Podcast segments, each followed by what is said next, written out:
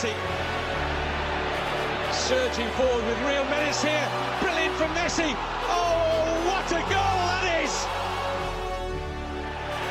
It defies description. How about sensational?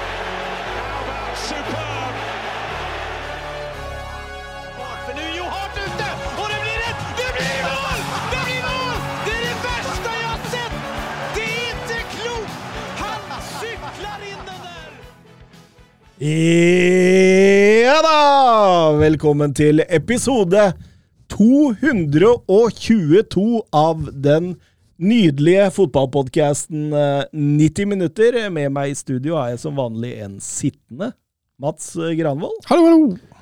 Og en eh, sittende Søren Døpker. Hallo, hallo. Nå er dere liksom to sittende defensiv midt. To sekstere. To seksere, rett og slett. Ja, da, da får Søren takle, og så får jeg drible. Jeg gidder ikke å bli møkkete på knærne, i hvert fall. Det var ikke sånn, det var ikke det du var kjent for som spiller. Nei. Jeg hadde like hvit shorts av banen som jeg hadde på. Eh, ja, ja, fordi du, du sitter jo nå eh, Du var stående under hele episode 221. Eh, går det bedre med deg? Mm, Ja da, det gjør det. Den har eh, Antibiotikaen har virka. Så eh, fortsatt ikke helt bra, men, eh, men nå, nå går han og slår seg ned. Deilig, deilig.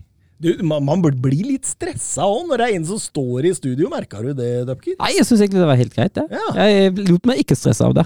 Nei, for det så helt ut som han på, på vei ut. Ja, jeg skjønner jo det, men jeg måtte jo bevege litt på seg, da. Det, det skjønner jeg jo, det kan det umulig ha vært behagelig det, er- det, det er vel kanskje meg som, eh, som eh, programleder, tenker jeg.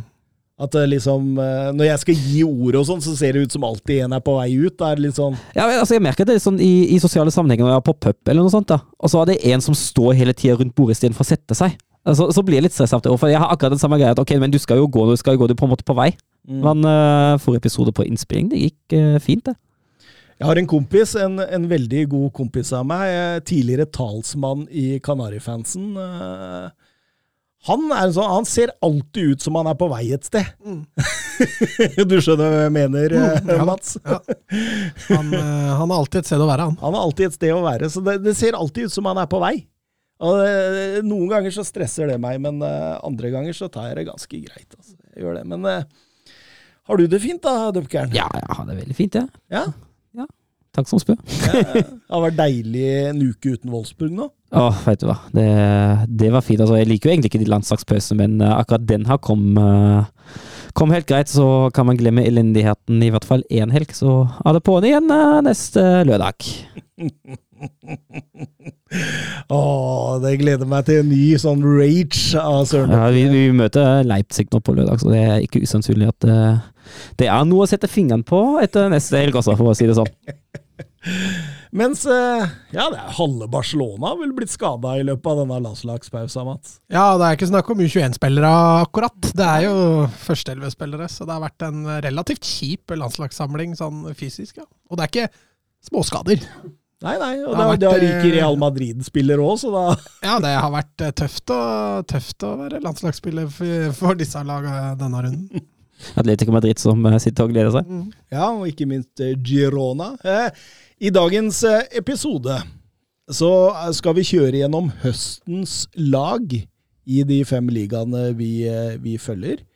Vi har noen lytterspørsmål også, og så, så blir det en liten godbit av et ja, Eivind Stølen, da.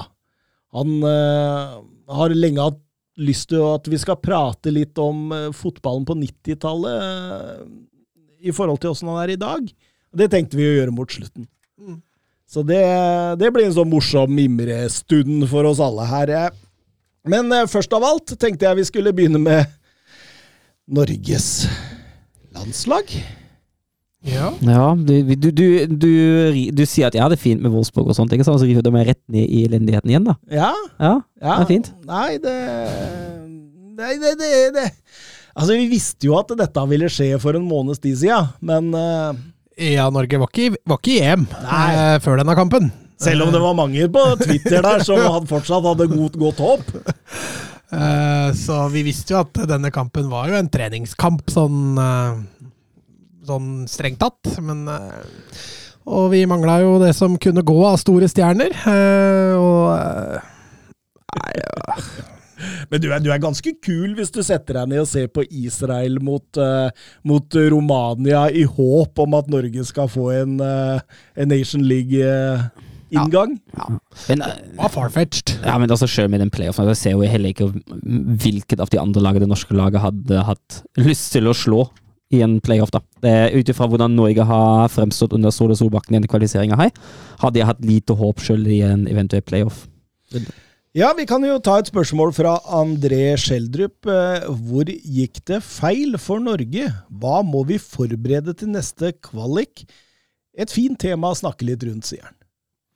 Ja, altså, det er flere ting. Altså, jeg tror det har skjedd noe med mentaliteten på det norske landslaget de siste 20-25 åra. Eh, der vi var i tre av fire mesterskap på, på 90-tallet og starten av 2000-tallet, så, så har vi mista det fullstendig. Vi har ikke mentaliteten som skal til.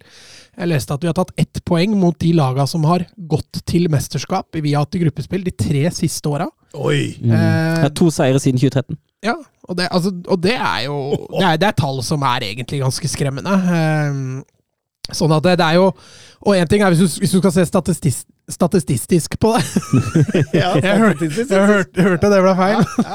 Eh, så, så er det jo rent defensivt. Vi slipper jo inn altfor mye mål. Eh, vi skårer OK med mål. Vi skårer egentlig nok mål, men vi slipper inn altfor mange mål. Og så er det dette med at vi, vi klarer jo ikke å slå de som er over oss på tabellen. Eh, vi er ikke, vi har ikke, verken på Ullevål eller på bortebane. Nei, altså vi, vi klarer jo heller ikke å slå de lagene som vi mener er litt sånn jevngode. Uh, jeg husker at vi slo Serbia i Nations League, det var jo uh, var kjempefint. Men da klarer vi å rote det bort mot uh, Slovenia og Jeg husker ikke. Men, først, nei, Slovenia var det vel, tok vel ett poeng av to kamper.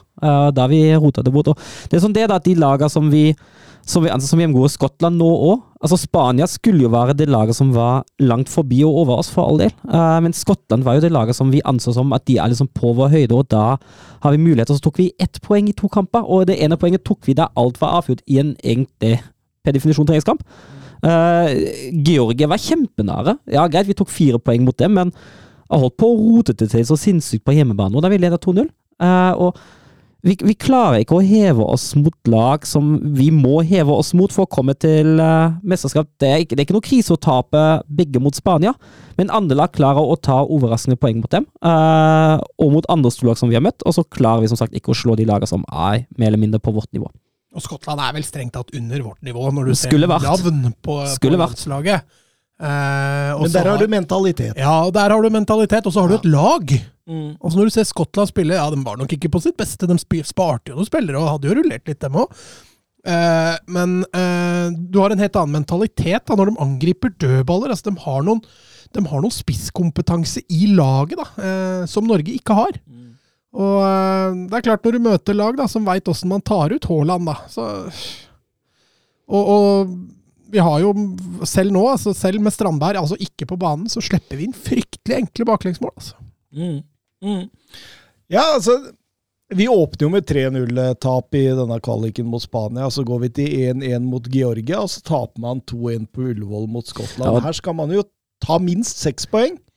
Her får man ett poeng. Og gjengangeren for utover det at eh, Haaland ikke er på banen de to første, og heller ikke når Skottland snur det mot slutten, så er det jo, som Mats er inne på, det er, det er jo defensivt. Det er jo feil på feil på feil. Det handler litt om den der oppofrelsen, den der om å stå eh, Stå i formasjonen, stå i organiseringa. At det, det, det ser ut som at det noen ganger er en gjeng med ville høns som løper litt ut, utpå der og er litt sånn uskolerte. Ja, det, det som, det som Altså, jeg har et inntrykk av at når de går inn der, så, har de, så er de litt sure overfor media. Og så går de inn i garderoben, så, så er det nok ikke folk som er så forbanna. Jeg sitter med sånn følelse, Det kan hende jeg tar feil, altså, men Litt sånn Gundogan ja, eh, litt til sånn at eh, ja, ja, Da gikk det ikke nå heller, da. Pytt, pytt, liksom. At det er litt sånn, da. Og da, da kommer vi aldri til noe mesterskap, hvis ikke man faktisk blir ordentlig forbanna og krever litt av de med rundt seg. Ja, det, det som også er en gjenganger på 10-3 kamper, og jeg har vært inne på det før, uh, godt være inne på det igjen, er jo fryktelig dårlig in game-coaching av Ståle Solbakken òg. Vi hang jo godt med mot Spania etter vi får 1-0 i sekken og i, uh, i 40 minutter der fram til Spania går over til en 4-3-3 og han veit ikke hvor han skal svare på det. Uh, vi har jo egentlig OK kontroll mot Georgia, leder 1-0 der, så Vegard Georgia går gå over til en jeg tror 4-4-2, og da klapper det sammen fordi Solbakken aner ikke hva han skal gjøre. Og så fragir de seg fullstendig kontroll ved dårlig butta mot Skottland. Så han har Altså, Spania-kampen tror jeg ikke vi hadde tatt noe poeng uansett, men jeg tror han har kostet oss en del poeng bare de første kampene ved dårlig in-game-management. Mm. så, det har jeg også sagt før om landslaget, at vi, vi, nå, nå har ikke det skjedd riktig nok to siste kampene, men vi spiller ofte med spillere ute av posisjon. For å få plass til alle. Altså Du skal ha både Sørloth og Haaland på banen, og så spiller du med én spiss. Da sier det seg sjøl at en av klassespillerne våre må spille ute av posisjon. Eh, og så skal det bli fryktelig spennende å se nå neste kvalik. Eh, hvem han benker. Blir det Bob, blir det Nusa, eller blir det Haaland? Mm. En av de må benkes. Det blir ikke Haaland. Og eh, Men hvorfor, hvorfor, hvorfor kan man ikke spille en 4-3-3 med Nusa, Bob og Haaland på banen? Ja, det går Ja, an. men det da må du benke Sørloth. Ja, da da er det bare å benke Sørloth. Jo altså, det er en av de tingene som har irritert meg veldig, det der med spissene på kant. Mm. Uh, og særlig uh, mot lag der vi skal skape og bryte ned dyptliggende forsvar. Uh, for jeg opplever egentlig ofte at det blir ikke de samme impulsene fra spissene på kant. Det blir ikke de samme mulighetene til å skape ubalanse. Eh, og det har egentlig, etter min mening, ofte vært en hemsko i det norske angrepsspillet. Mm. Adrian Tømmernes, hvem av U21-gutta burde være aktuelle for neste kvalik, og hvem i dagens A-tropp burde holdes langt utenfor i fremtiden? Stefan Sandberg. og gi gjerne noen ord rundt Pellegrino-debatten som raser på Twitter, sier han. eh, Altså eh, ma, ma, ma, VM er i 2026. Det bør være målet. Eh, Man må begynne å se da én til to år framover i tid, inn mot kvalik, inn mot eh, VM. Eh, og og da, det er jo noen av disse spillerne som absolutt bør, bør banke på døra. da. Det er Ja. jo det. Altså, du har jo de, de to vi, som vi har nevnt, da, Antonio Nusa og Oskar Bob, men de blir jo nå Ja, men er ikke de eh, allerede de, de, de er jo fast inventar, tenker jeg. De er jo det. Det er jo akkurat det det er. Litt seint at de kom inn. Ja, jeg syns jo det. Ja. Uh, og det, er jo altså, det, og det med uttak, det er jo ikke bare Stefan Strandberg. Altså, at Mats Mulla Dale ble tatt ut egentlig to-tre år etter at han ikke fortjente en plass på landslaget. Det er jo helt Mm. hårreisende. Ja, altså De som var på U21-landslaget nå, nå mangler vi jo litt stjerner Mm. der, fordi dem er flytta opp. Eh, altså Vi har snakka mye om Schjelderup, nå var vel ikke han med, tror jeg, på den samlinga som var nå. Eh, og, og det lille jeg har fått sett av han i Danmark, så har ikke han imponert. altså, Så, så det er ikke Nei, men med ett-to år så bør det jo kanskje Ja, det er det jeg tenker, at eh, han, han Ja. må få tid. Og så har jo Hansen Aarøen, han er knakende god. Altså den eh, basisferdigheten han innehar, det er fryktelig spennende. Men han er, han er ikke så langt framme fysisk, så han trenger nok kanskje litt tid. Og så har du kanskje en Arnstad. Han eh, har også litt i samme duren som, som eh, Hansen Aarøen. Han har veldig gode basisferdigheter, eh, veldig god fotballforståelse, og kommer også til å ta noen steg etter hvert. Eh, men det er liksom ikke offensivt skoen trykker, da. Nei, det, er det, det, det var det jeg skulle si Nei. nå. Nå nevner du jo masse offensive spillere. Ja, fordi altså, altså Gjelde får jo ikke spille i Leeds, så han får jo ikke den kamptreninga han trenger. Eh, Oppegård, som var, spilte vel venstrevekk nå sist, tror jeg, eh, spiller også på reservelaget til PSV i, i, eh, i Nederland, så han heller får jo ikke den Nei, du har jo Møller Wolfe, da. Han eh, spiller jo Han var jo oppe på Han, var jo, A-laget. Han, ja, han fikk jo sin første A-kamp, men uh, han har jo vært eh, fast invitert på U21-landslaget, og jeg mener jo absolutt at dette er en spiller man må satse på. Han får jo altså masse spilletid i Alkmaar, har vel uh, starta alle kamper for AZ, mener jeg å huske den sesongen. nei. Jo, men, men der blir Altså, ja, mulig han kan bli en forsterkning, men han blir ikke en stor forsterkning. Nei, nei. For både Birger Me ja, Bjørkan har Ja. vært veldig opp og ned, da. Ja, Meling òg. ja, men Meling har et høyere bånd... Eller et høyere Hva skal vi si? Et høyere båndnivå, kan man si det? Ja, ja, ja. enn det Bjørkan har. Ja. Eh, mens Møller Wolfe er fortsatt litt uprøvd. Mm. Men jeg er helt enig i at det kan være en løsning. Men hvis vi ser på stoppera, da, så Nikolai Hopland i, i Ålesund kan jo være et alternativ. Men han, han skal ikke spille Obos neste år da, i så fall. Da må han, da må han videre. Eh, Halvor Oppsala i HamKam. ja, han også må jo antageligvis komme seg videre, da, hvis han skal ta det neste steget. Men han må jo gå til et sted hvor han får spille. Hvis han går til et sted og ender opp med å sitte på benken, sånn som Gjelde gjør, så, så er det ikke noe vits. Da må han jo bli i HamKam. Ja. Eh, men, men det Nei, det gror liksom ikke noe sånn Det er ikke noe sånn Det er ikke et talent bak der som du tenker åh, han. Han må vi se opp for, Han liksom. kommer til å komme inn og ordne forsvarskrisa i Norge. Mm. Og det er ikke umiddelbar nærhet, i hvert fall. Det kan jo hende det kommer noen på, på gutt 17-16 nedover, men det er noen år til vi får de opp på landslaget. Men vi snakker om eh, stoppere, vi snakker jo også om et lite keeperproblem. Ja, vi gjør jo det, men uh... Men den, den, denne Sander Tangvik på Rosenborg, kan dette være noe et par år framover i tid? Ja, men jeg ser ikke at han er voldsomt mye lenger framme enn det Hedenstad var. Nei, ok. Eller Claesson var. Ja, ok. Claesson var jo kanskje enda større talent enn det Tangvik var. Mm. Men han har jo stoppa helt opp, for han får jo ikke spille i Leeds, han heller. Eh, Men altså, jeg tror det er kjempeviktig for keepere at de går til et sted, eller, eller er et sted hvor de får spille. mm. Så Sander Tangvik, Mats Hedenstad, det er bedre at du er der du er og får spille, og så tar det steget når du er moden for det. Eh, keepere har jo lengre levetid enn det alle andre posisjoner på banen har, og de har sine beste perioder i karrieren et par år seinere enn det utespillere har. Så du, du må smøre deg med litt mer tålmodighet som, som keeper. Eh, men Tangvik har også et veldig spennende potensial, og Sjøeng i Vålerenga kan vi, kan vi si det samme om. Egil Selvik i Haugesund har vært god denne sesongen i, i Ja, ja. Han, han er allerede 26, da. Men, Men han, fortsatt er, han er kanskje beste norske keeperen i Eliteserien. Ja, han er det. Men, jeg. Men, men Pellegrino-debatten, da?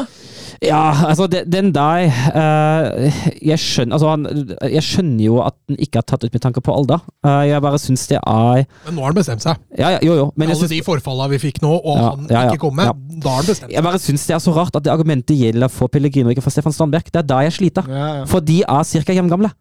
Eller, De er vel jevngamle.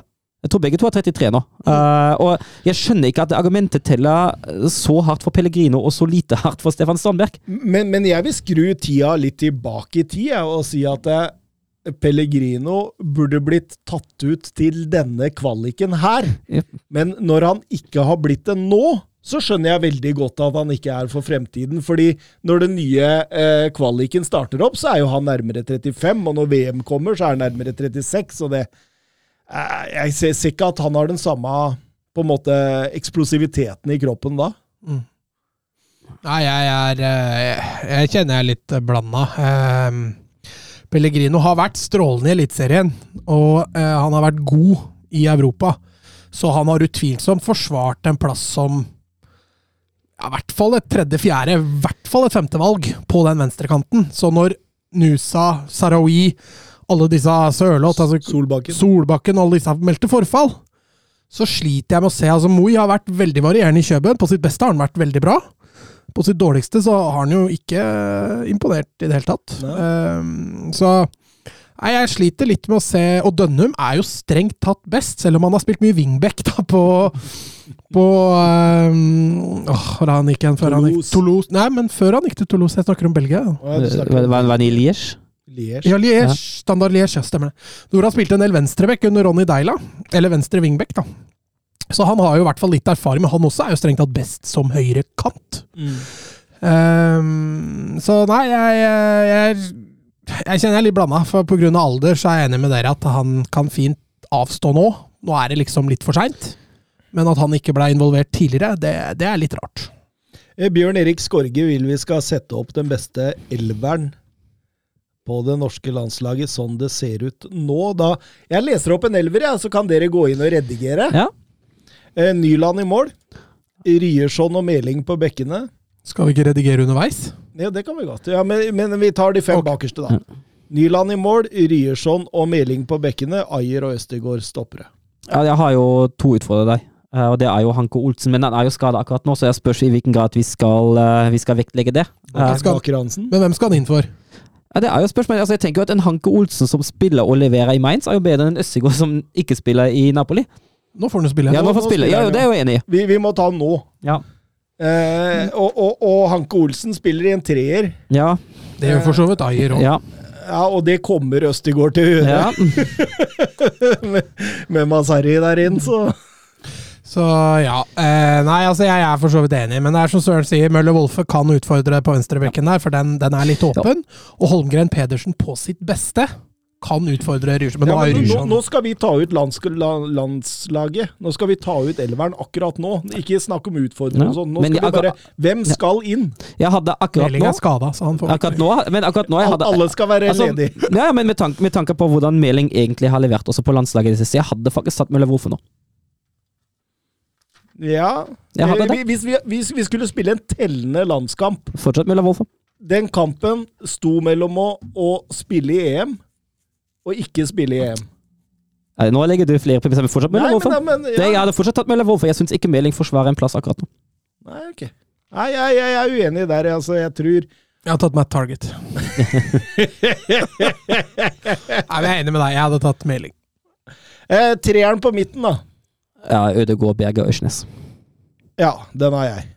For meg er han klink. Berge har vært veldig, eh, veldig varierende som sentral midt, eh, men den kampen han spilte nå forrige landslagsrunde som sentral midt, da var han jo outstanding. Så får vi den Berge, så er det jo, det er jo ingen som er i nærheten av han i den rollen. Og så er det Nosa Haaland Bob. Ja, definitivt. Ja. Det er sexy. Mm. Den framtrederen er sexy, altså. Den, er, den er sexy. Den er det. Og så er det unge, vet du. Ja, og så har du Ødegård bak Og så har du Ødegård bak der. Jeg refererer til en tidligere episode der, eh, for de som lurer. eh, ehm, Øyvind Strand. Hva er sannsynligheten for at Norge kvaler til VM 2026? Ja, den er ganske lav. Eh, nei, men, men den er jo Jo, det. men den er det, for det Den er er bare ett Ja. lag som går direkte. Ja, Og vi kommer, vi kommer til å havne i pulje tre. Norge har vel Europa hadde jo 80-20. Altså hvis, hvis, man tar, hvis man tar EM nå, 24 lag deltar. Tyskland som vertsnasjon har annen fast plass. 23 lag fra Europa kvaler til disse mesterskapet. Til EM nå, eh, til VM nå neste år mener jeg at Europa har 16 plasser. Og da er det sju plasser mindre å knive om. Eh, Det norske landslaget nå er jo åpenbart ikke blant de 24 beste lag i Europa. Det er jo et stykke unna. Det er et sted mellom, eh, mellom 25 og 32, da. Eh, og hvordan man skal løfte det her, fra 25 eh, pla- rundt plass 30 til rundt plass 16, det blir en utfordring, altså. Jeg mener jo at det, jeg mener at det ikke bør være det. vi konkurrerer jo ikke med de 16 beste. Nei, vi gjør jo ikke det, men vi, vi konkurrerer jo med alle lag der inni. Ja, Vi, vi konkurrerer jo om å få plass 16. Det er jo den vi konkurrerer med. ja. Men vi konkurrerer jo ikke med alle de 16 som er foran oss, hvis du skjønner Nei, jeg skjønner hva du mener, men, Men, men du altså vi, vi, skal jo vi kommer jo til å antageligvis havne i pott tre. mm, Så det vil si at vi skal ha to lag som er ranka foran oss. Skal vi forbi. Og så Vi kan klare playoff. Vi har jo Historisk sett så er vi jo veldig gode i playoff. Så jeg tenker at det kan være et halmstrå vi kan krype oss til. At vi kan klare den playoffen. Og, eller komme til playoff. Og så får vi bare ta det derfra. Ja, fordi vi, vi, vi kommer til å få liksom England, Frankrike, Spania, et eller annet sånt. sånt, ja, Ja, fra pott én. Mm. Og så får du pott to, som sånn- også er lag, altså Danmark og de laga der, eller? Tyrkia, noe sånt, ja. Skottland er vel der nå, da. Eh, Ja, og det, det er jo lag vi kan slå. Kroatia. Jo, Ja. kanskje, men som jeg sa, Ja. vi har vel tatt to poeng på siden Ja, altså, altså ser jeg på en måte ikke helt da heller at altså, Det kan jo hende at jeg altså, jeg sitter jo ikke tett på eller noe sånt, at inntrykket, inntrykket lyver litt, da, men Mats, du er inne på det med mediene. Jeg ser heller ikke i mediene at det kommer en sånn selvgransking av Ståle Solbakken og NFF og fe- feil man eventuelt har gjort. Jeg veit ikke om det blir en god nok evaluering av hva som egentlig har skjedd. Jeg har mine tvil, og jeg tipper at det blir veldig mye fortsette med same old, same old. Og hvis vi fortsetter med det vi har levert denne kvaliken her, som har vært under enhver kritikk, så kommer vi i hvert fall ikke til VM. Det som er positivt for Solbakken, da, det er jo det at spillere går så offentlig ut og støtter han. Nei, Vi snakka vel litt om det sist. Jeg tror jeg er helt enig med Søren. Det kommer ikke til å skje noen ting. Altså, Så lenge spillere backer han, så lenge han ikke klikker for den i media, liksom, at han begynner For det er litt på grensa Det er litt på grensa nå. Han begynner å, ja, begynner å nærme seg Han holder liksom seg akkurat innafor. Så lenge det ikke skjer, så det er nesten så jeg tror Solbakken kan holde på at han Ja, nå, nå, ikke forundra meg om han fikk ny kontrakt. liksom. Starte, starte kvaliken nå med tre strake seire, og så får han ny kontrakt, og så går det til helvete ja, det, det er det som skjer hver gang. Hver gang. Og så, og, så, og, så, og så kommer diskusjonen, og så kommer NFF med å argumentere med ja, men vi fornyet jo nettopp kontrakten. Men sa han ikke også at hvis det ikke blei VM, så skulle den gå. VM, så er han ferdig? Ja, det var, det bør jo være Men han, han, han lovte oss også EM for to, Mm, Det er akkurat to år det. Den sa 99,9 Ja. Det er, man er, man er godt, godt over den grensa, syns jeg, når man svarer på kritikken Mm. på bruken av Stefan Strandberg med 'det er ikke Facebook United Ja. som tar ut laget'. Ja, altså, det er også generelt Han har blitt ganske, eh, ganske irritabel på kritiske spørsmål. Uh, og, og det er ikke et godt tegn. Uh, det må han takle. Altså, det er et lag som ikke har prestert godt nok under hans ledelse. Det er et lag som har ingen resultater å vise til under hans ledelse.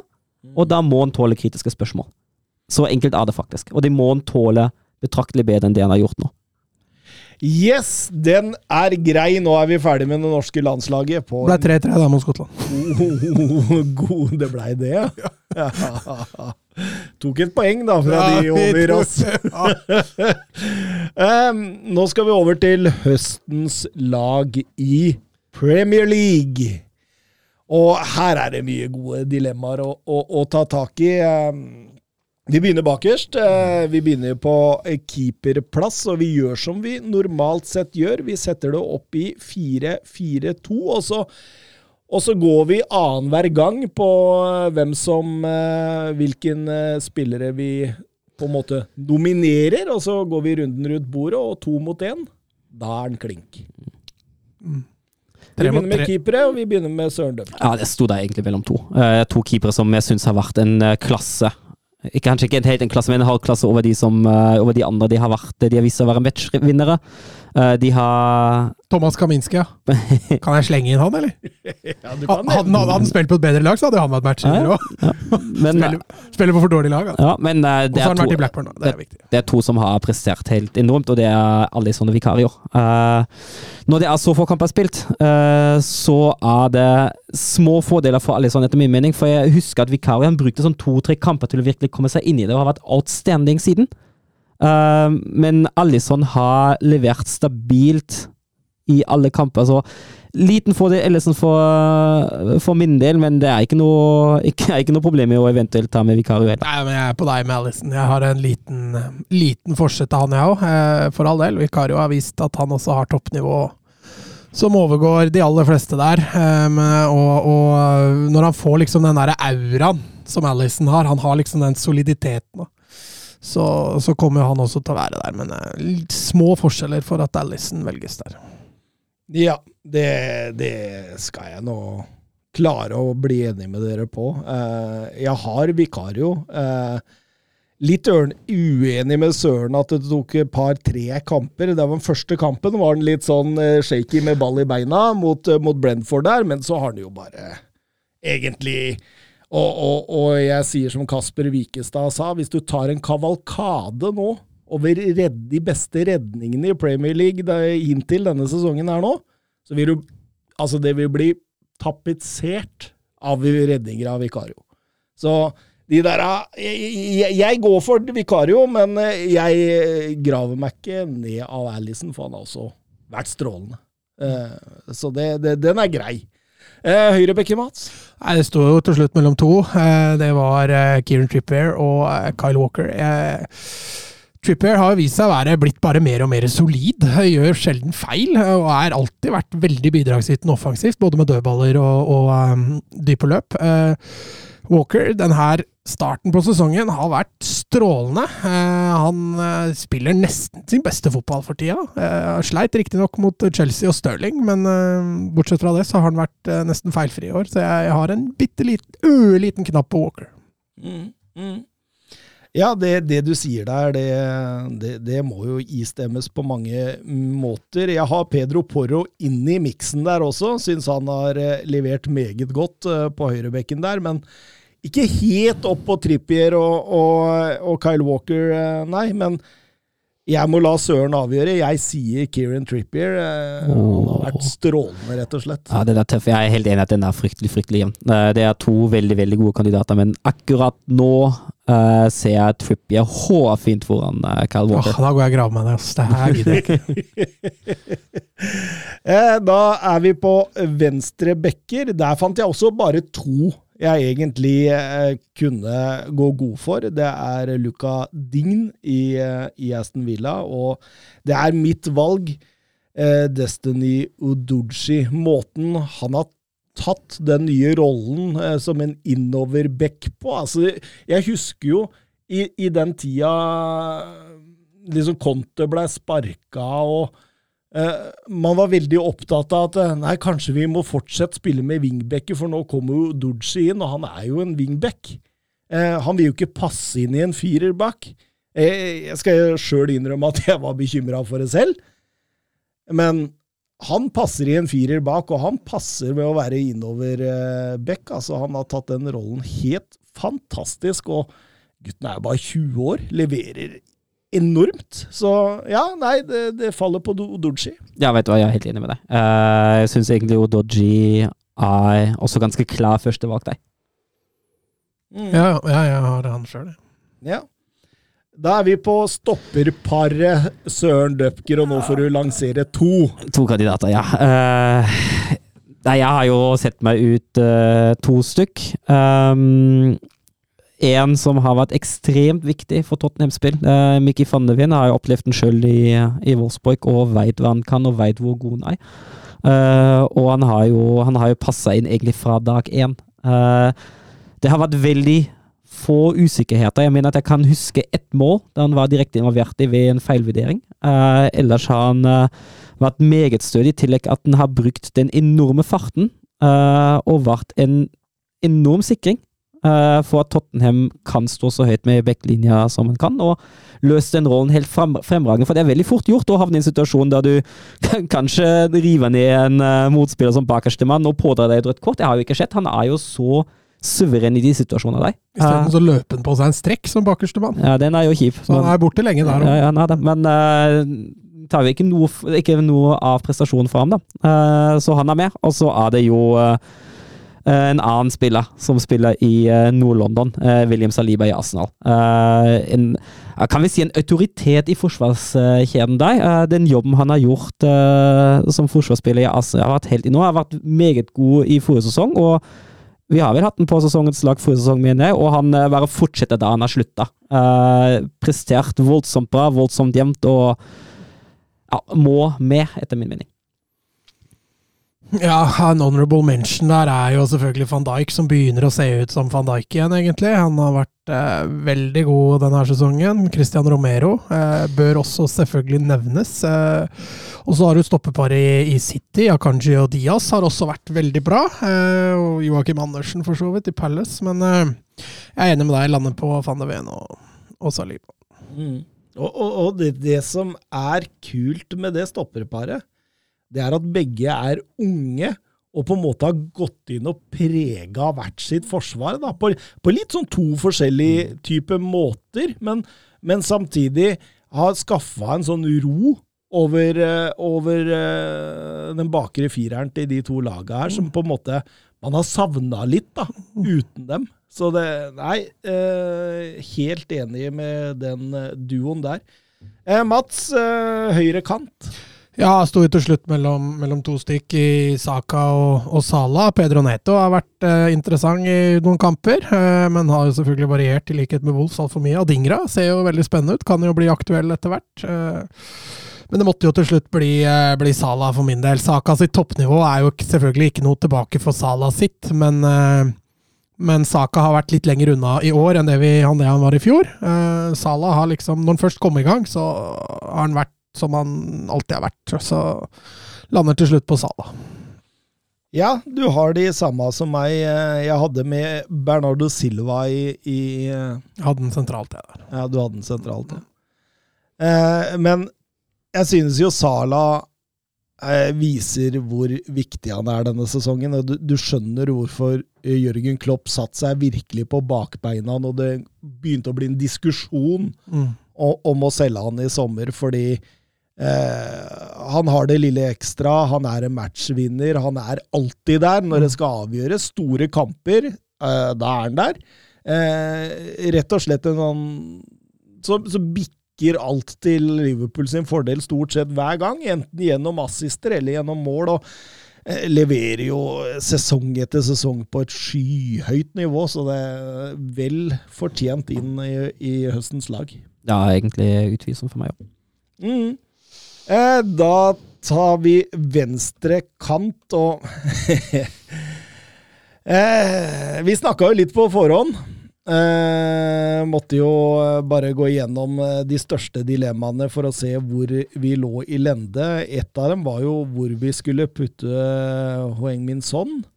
Eh, og når vi da finner ut at vi skal vente litt med han, så er det Raheem Sterling for meg som blir sånn egentlig ganske klar hvis man ikke skal jukse for å få inn andre sentrale midtbanespillere inn på venstresida der. Jeg syns ikke vi kommer utenom han. Eh, den løfta han har hatt nå i høst. eh, det er litt gode, gamle Stirling igjen. Eh, disse kroppsfintene. Det, det, å kunne føre ball med kontroll i den hastigheten han gjør. At han har begynt å plukke målpoeng igjen. Det at han Det er, ikke, det er ytterst få de siste tre, fire, fem åra som har slitt med Kyle Walker, men det gjorde han skikkelig når han møtte Stirling. Og jeg syns egentlig den her klinker. Ja, jeg er helt enig. Jeg syns Stirling, Stirling i det Chelsea-laget har sett enormt bra ut. Og vi har hatt kamper da han har båret det offensive spillet til Chelsea nesten helt alene. Uh, og fullt fortjent at han havna på det laget her. Vi meldte han nesten ferdig, vi. Mm, mm. Og Og, egentlig på slutten av City-tida. ja, men han er jo ja, å si han er ung, er å ta i, men eh, han ble jo tidlig, tidlig god. Ja. Så man har jo hørt om Stirling lenge, men eh, det var visst mer batteri igjen på den eh, Duracell-kaninen der. Og så kommer tidenes dilemma. Sentral midt, eh, Søren Døpgur. Du skal plukke ut to. Det koker ned til fire hovedkandidater for meg. Kanskje fem. Eh, det er Declan Rice, Dominic Shoboslai, eh, James Madison og Rodri. Eh, man kan slenge inn flere i den miksen der. Det er ikke noe problem som Bernardo Silva, som Uspe Zuma, Douglas eh, til og med Julian Alvarez og enda flere kan havne i den miksen der. Men det er for meg de fire sterkeste kortene, da. Um, og jeg, jeg mener at Rodri er selvskreven. Uh, den viktigheten han har for City. Uh, vi så det også veldig tydelig da han måtte stå om i karantene. Eh, hvordan han, uh, hvordan han framstår fortsatt, i likhet med Saliba. Han bare fortsetter akkurat da han slutta forrige sesong. Uh, utføre den jobben som, uh, som dyptliggende helt enormt i City-laget. Uh, og så er for meg James Madison sammen med ham. Uh, det løftet han har gitt uh, Toftenham offensivt Vi har vært litt innom på det forrige episode òg, hvordan han ikke bare er en dirigent og en taktgiver offensivt og uh, bruker sin kreativitet der, men hvordan han også bidrar dypere i banen i frispillingsfasen og er egentlig viktig i flere faser av Tottenham-spill. Uh, I tillegg til at han produserer mål og målpoeng. Altså det, er, det er enormt. Han har hatt en fantastisk sesong i Tottenham, og det blir da Rodry og Medison for meg. Kanskje Premier Leagues eh, beste spiller eh, før skaden der, Mats? Eh, på Madison? Eh, ja, offensivt så, så Altså, han har i hvert fall en utrolig viktig spiller for Tottenham. men Det så vi jo mot, uh, mot Wolves etterpå. uh, og det tapet der, det kan svi ordentlig for Tottenham. Fantastisk Altså, tilstedeværelsen hans er, er så enorm, da. Mye av spillet foran 16-meteren som skal gjennom han. Uh, Tottenham-spillere ser til han. Eh, for meg sto det egentlig bare mellom tre. altså Rice for all del har vært strålende, men Soboslai det føles ordentlig vondt i hjertet å måtte vrake han. Men jeg, jeg, er, jeg er enig med Søren. Det lander på Rodri. altså Han har blitt hva skal vi si, sekserens mor, da. Far, om du vil. Uh, Venta lenge på den, husker jeg. ja, men Vi begynte allerede i fjor å prate om at han var verdens beste sekser Ja. og den posisjonen har han jo bare eid. Har bare blitt enda litt bedre. Så ingen seksere i Europa som jeg ser som, som er på hans nivå akkurat nå. Um, så, så Rodri mener jeg klink, og Madison hakket foran Saboslai. Da jeg regner han som Altså sånn, De er litt forskjellige typer, så det er ikke lett å sammenligne, men Madison kommer allikevel best ut fordi han eh, blir nok et større tap for Tottenham enn hvis Aboslai hadde blitt borte for Liverpool. Så venter vi på målpoenga til Soboslai. Altså, vi veit dem ligger der. Vi veit dem kommer. Men uh, han må ha litt av det. Madison har hatt masse målpoeng også i tillegg, så det, det, det bikker den veien. Ja, Rice ah, Jeg har sett så mange høstens lag uten Rice til store protester fra Arsenal-supportere, og de har en god sak. Uh, har gått inn i dette Arsenal-laget på en glimrende måte. Vært deres soleklart eh, beste kjøp denne sesongen. Eh, Det skal ikke så mye til, kanskje, men, men, men, har- men har gått inn da på en måte og, og, og gjort Altså, jeg tror uten Rice, da, så tror jeg Arsenal hadde hatt et lite stykke opp nå Mm. til, de, til de aller beste, men, men eh, det dere sier om Rodry, det dere sier om Madison, jeg kjøper det, og det er de to første jeg har på lista mi her òg, da er det som regel de to første du tenker på som, som er det du vil ha inn. Um, angrep, da, Mats. Du må ha to der òg, da. Ja, eh, det var jo Altså, for meg så blir fortsatt Haaland eh, klink, selv om han ikke har starta like eksplosivt i år som det han Han gjorde i fjor. Ehm, han mangler jo riktignok kanskje sin største konkurrent, siden han dro til Bayern München. Ehm, så spørsmålet her blir vel egentlig hvem som skal spille sammen med Haaland. Eh, altså, Núñez har jo begynt å bli veldig spennende nå, men han kommet litt seint i gang. Eh, han blir vanskelig å konkludere de første kampene. Og bom, bommer fortsatt på litt for mange store sjanser. Ja, altså, men han, han gjør veldig opp i forhold til jobben han gjør. Jo, jo. Reell sjanse for et årets lag. Ja, hvis han er- fortsetter, er jeg helt enig. Eh, Alexander Isak starta jo fantastisk, og så har jo det både blitt skader og, og sånne ting. Eh, så det står egentlig kanskje mellom Ollie Watkins, som har vært eh, meget solid for, for Villa. Har blitt en ganske komplett spiss. Fysisk sterk, eh, god i bakrom, solid i boks. God førsteforsvarer. Eh, men jeg lander på, på Son. Eh, kanskje ikke det mest Kanskje ikke sånn Haaland-Son kanskje er det beste spissparet i seg sjøl, hvis man skal tenke relasjoner. Begge stikker. ja, men eh, sånn sesongmessig så, så syns jeg dem, dem kommer best ut av det.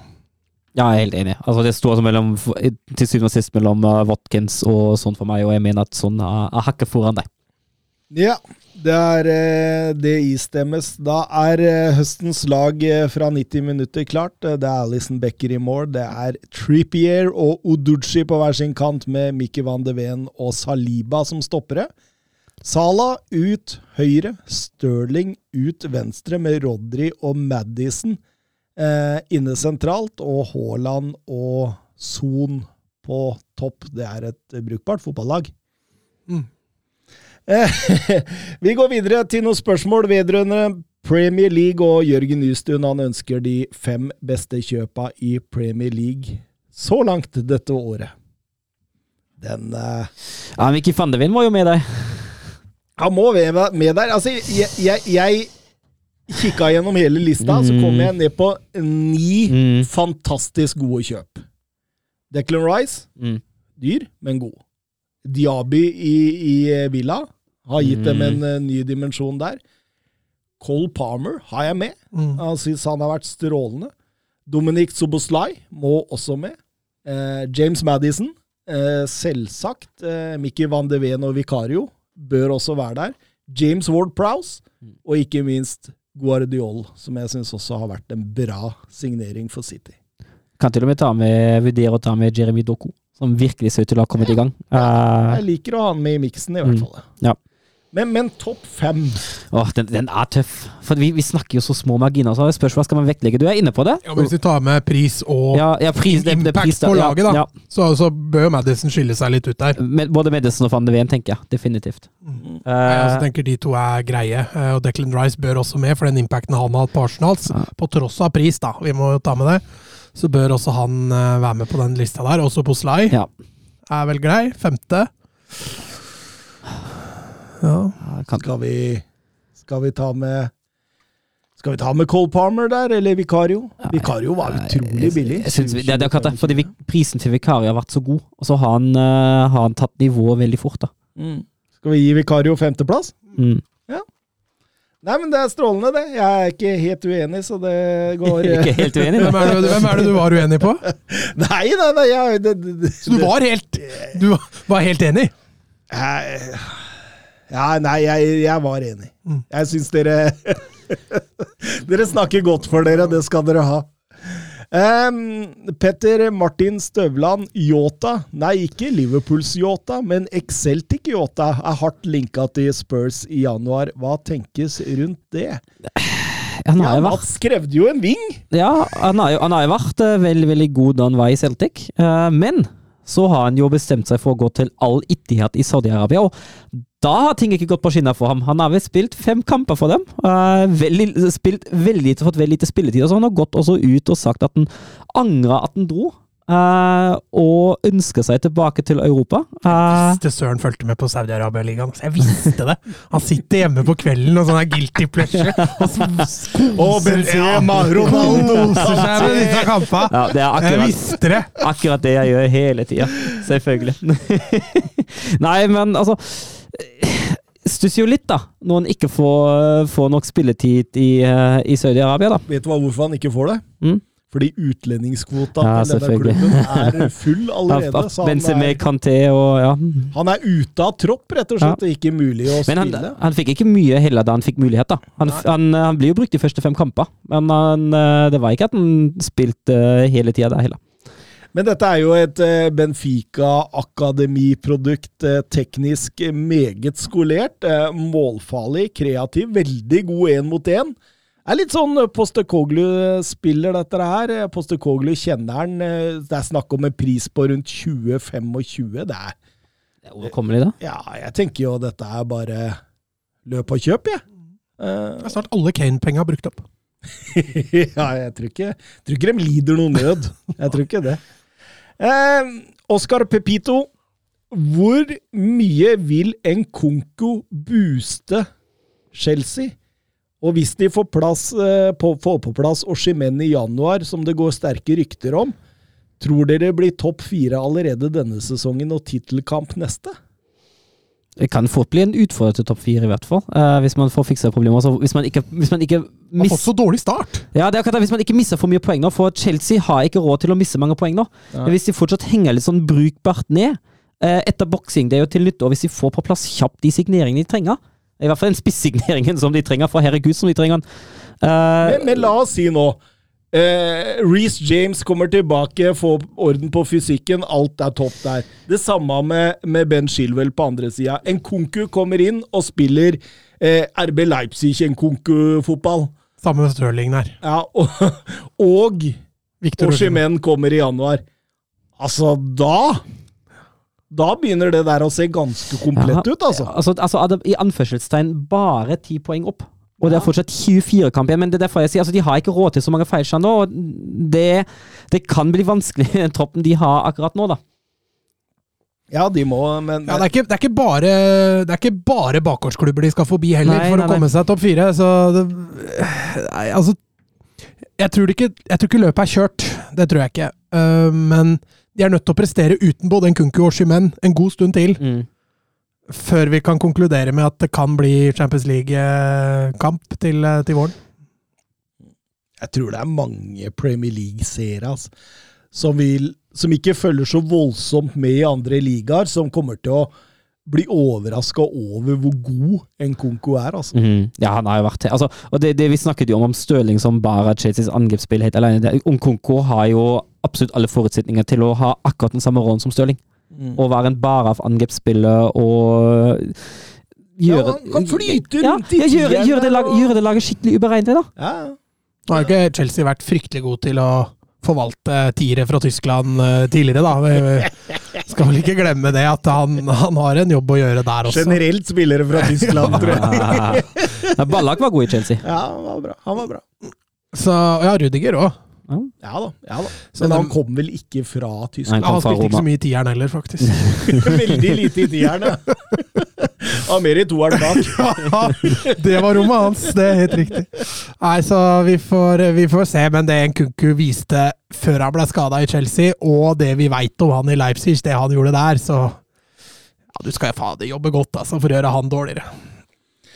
Ole Haaland, hva tenker dere om Maldini som sportsdirektør i Manchester United? Han tapte jo denne maktkampen eh, med Jeffrey Moncada, eh, i hvert fall ifølge rapportene, og blei etter hvert eh, tvunget ut av klubben sammen med Ricky Massara. Eh, jeg tror ikke AC Milan har lidd nevneverdig av Maldinis avgang. Jeg leste eksempel at det var Maldini sitt verk å hente Divo Korigi. At han også prøvde seg på Renato Sanchez, en overgang som etter hvert ble forhindra av eierskiftet. Eh, Moncada, da, som fortsatt er igjen og er denne Kall det gjerne skotenes Messi. Han er jo helt fantastisk med dette teamet sitt. Han hadde Enzo Fernandes og Randal Kolomani på blokka da, og, og, og nærmest litt sånn klar Mm. når eh, Maldini fikk eh, Origi og Sanchez igjennom. Eh, det sies at Maldini sjelden hørte på Moncada, og, og Moncada er jo som kjent denne ja, som jobba for å, å, å være med og få dette Monaco-laget opp. Han, han oppdaga jo LeMar, San Maximæ, det var Fabinho henta han vel, i Tilemans, for å nevne noe. Så han starta bra i Milan også. og ja, jeg, er litt usikker på Altså, det var jo mange, mange kokker i miksen her. Masara, Maldini, Moncada. Hvem skal ha all æren for alt? Jeg er litt usikker, men mye av det jeg leser, så er ikke veldig til Maldini sin fordel. Så da, da er jo spørsmålet Henter man mer navn i så fall Mm. enn Jeg er litt usikker, altså. Hva tenker dere? Nei, jeg har ikke gjort meg opp en eh, voldsomt stor mening om det. Eh, Jeg tenker at United kan i hvert fall ikke bli noe dårlig med Maldini enn det de har nå. Pluss at Maldini vil jo, vil jo bringe med seg litt oppmerksomhet. Altså, han har et stort fotballnavn, og han har åpenbart store connections i, ute i Europa. Eh, Det er som du sier, det er vanskelig å vite nøyaktig hva hans, som er hans verk, og hva som ikke er det, men det er jo i hvert fall bedre enn å surre med det man har nå. hvert fall. Så er jo dette bare et rykte, søren. Mm. Eh, man veit jo ikke. Jeg ser eh, Dougie Freeman, eh, sportsdirektøren i, Crystal Palace, er jo også et alternativ for dem.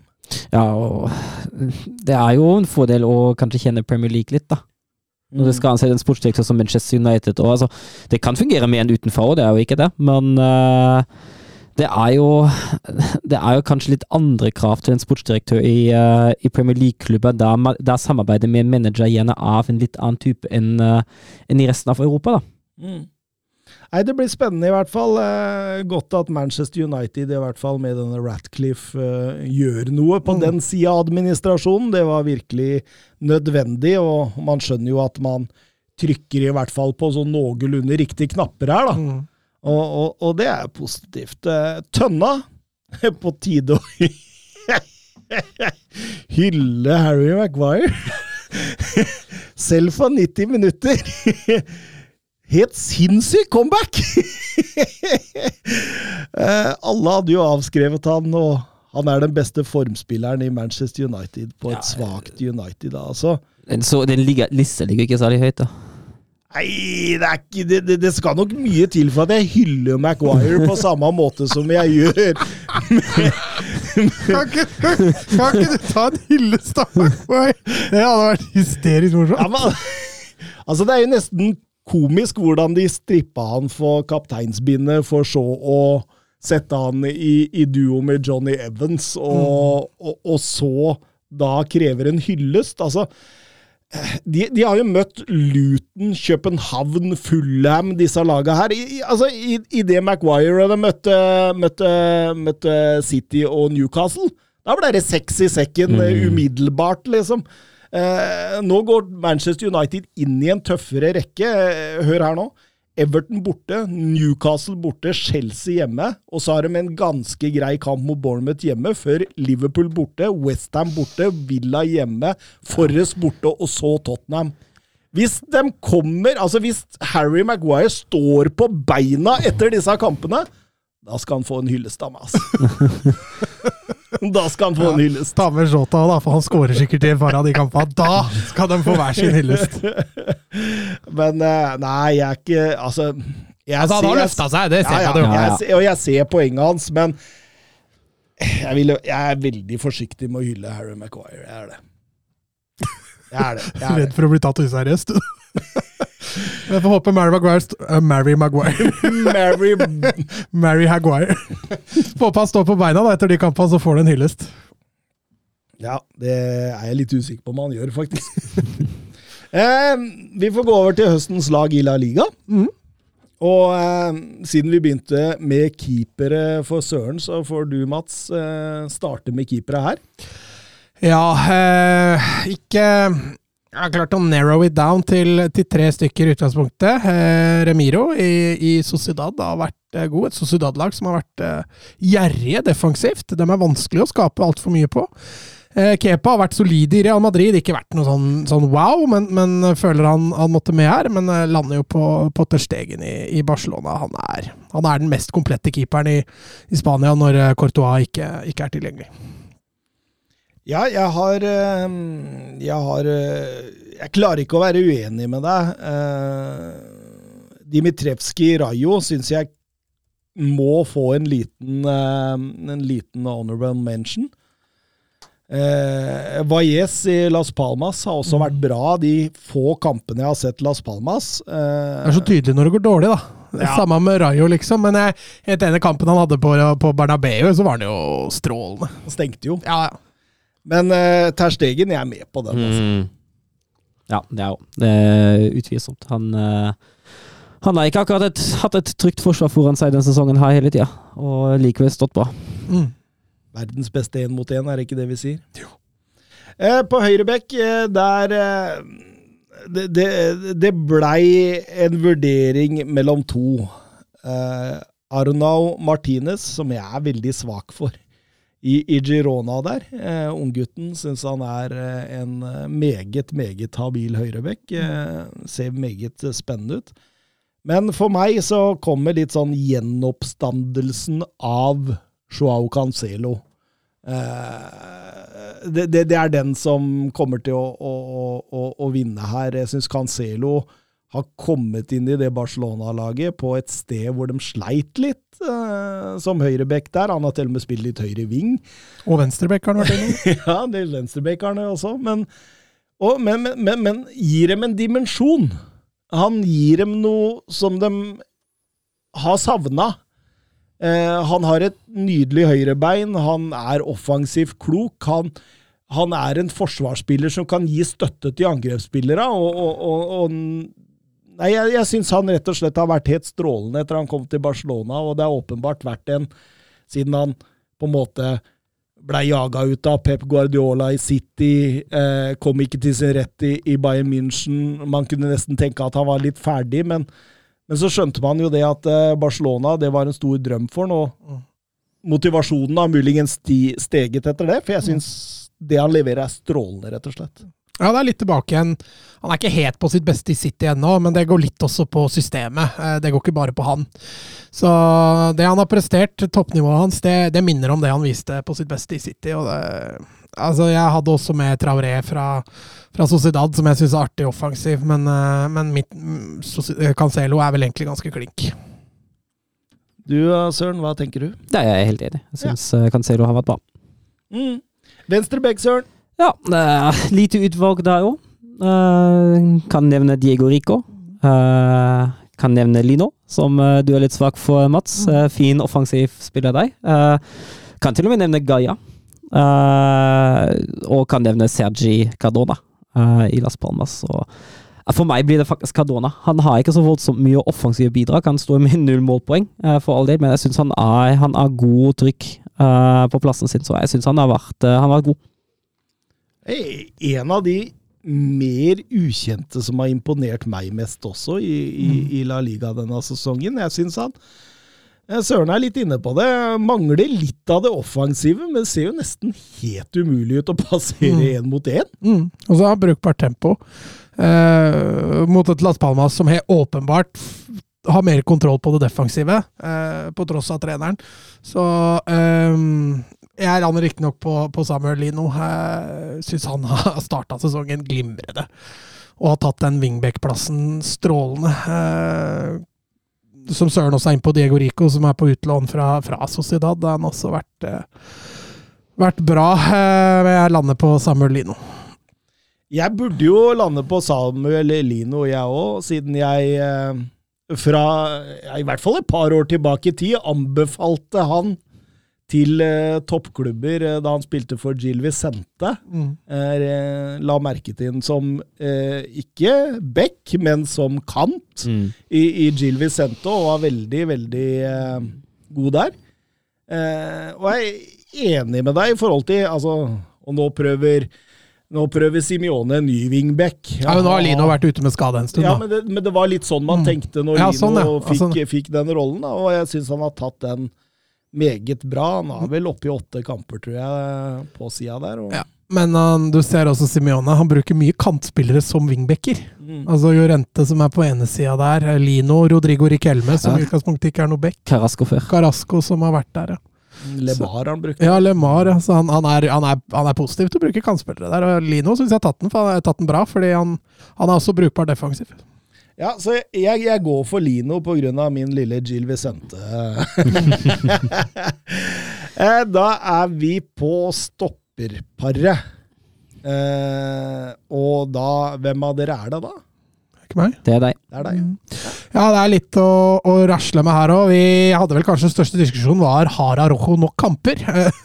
Ja. For han, han bød jo egentlig med. Jeg hadde i utgangspunktet han ikke med, men så fant jeg ut at åtte var akkurat innafor, og da, da mener jeg han er klink. Eh, Han har surra litt bort på den høyrebekken, men du så du så tydeligheten hans når man starta med Arojo på høyre bekk, og så dytta han inn som stopper, hvor viktig han også er for Barcelona. Hvor klassegod han er når han er på sitt beste.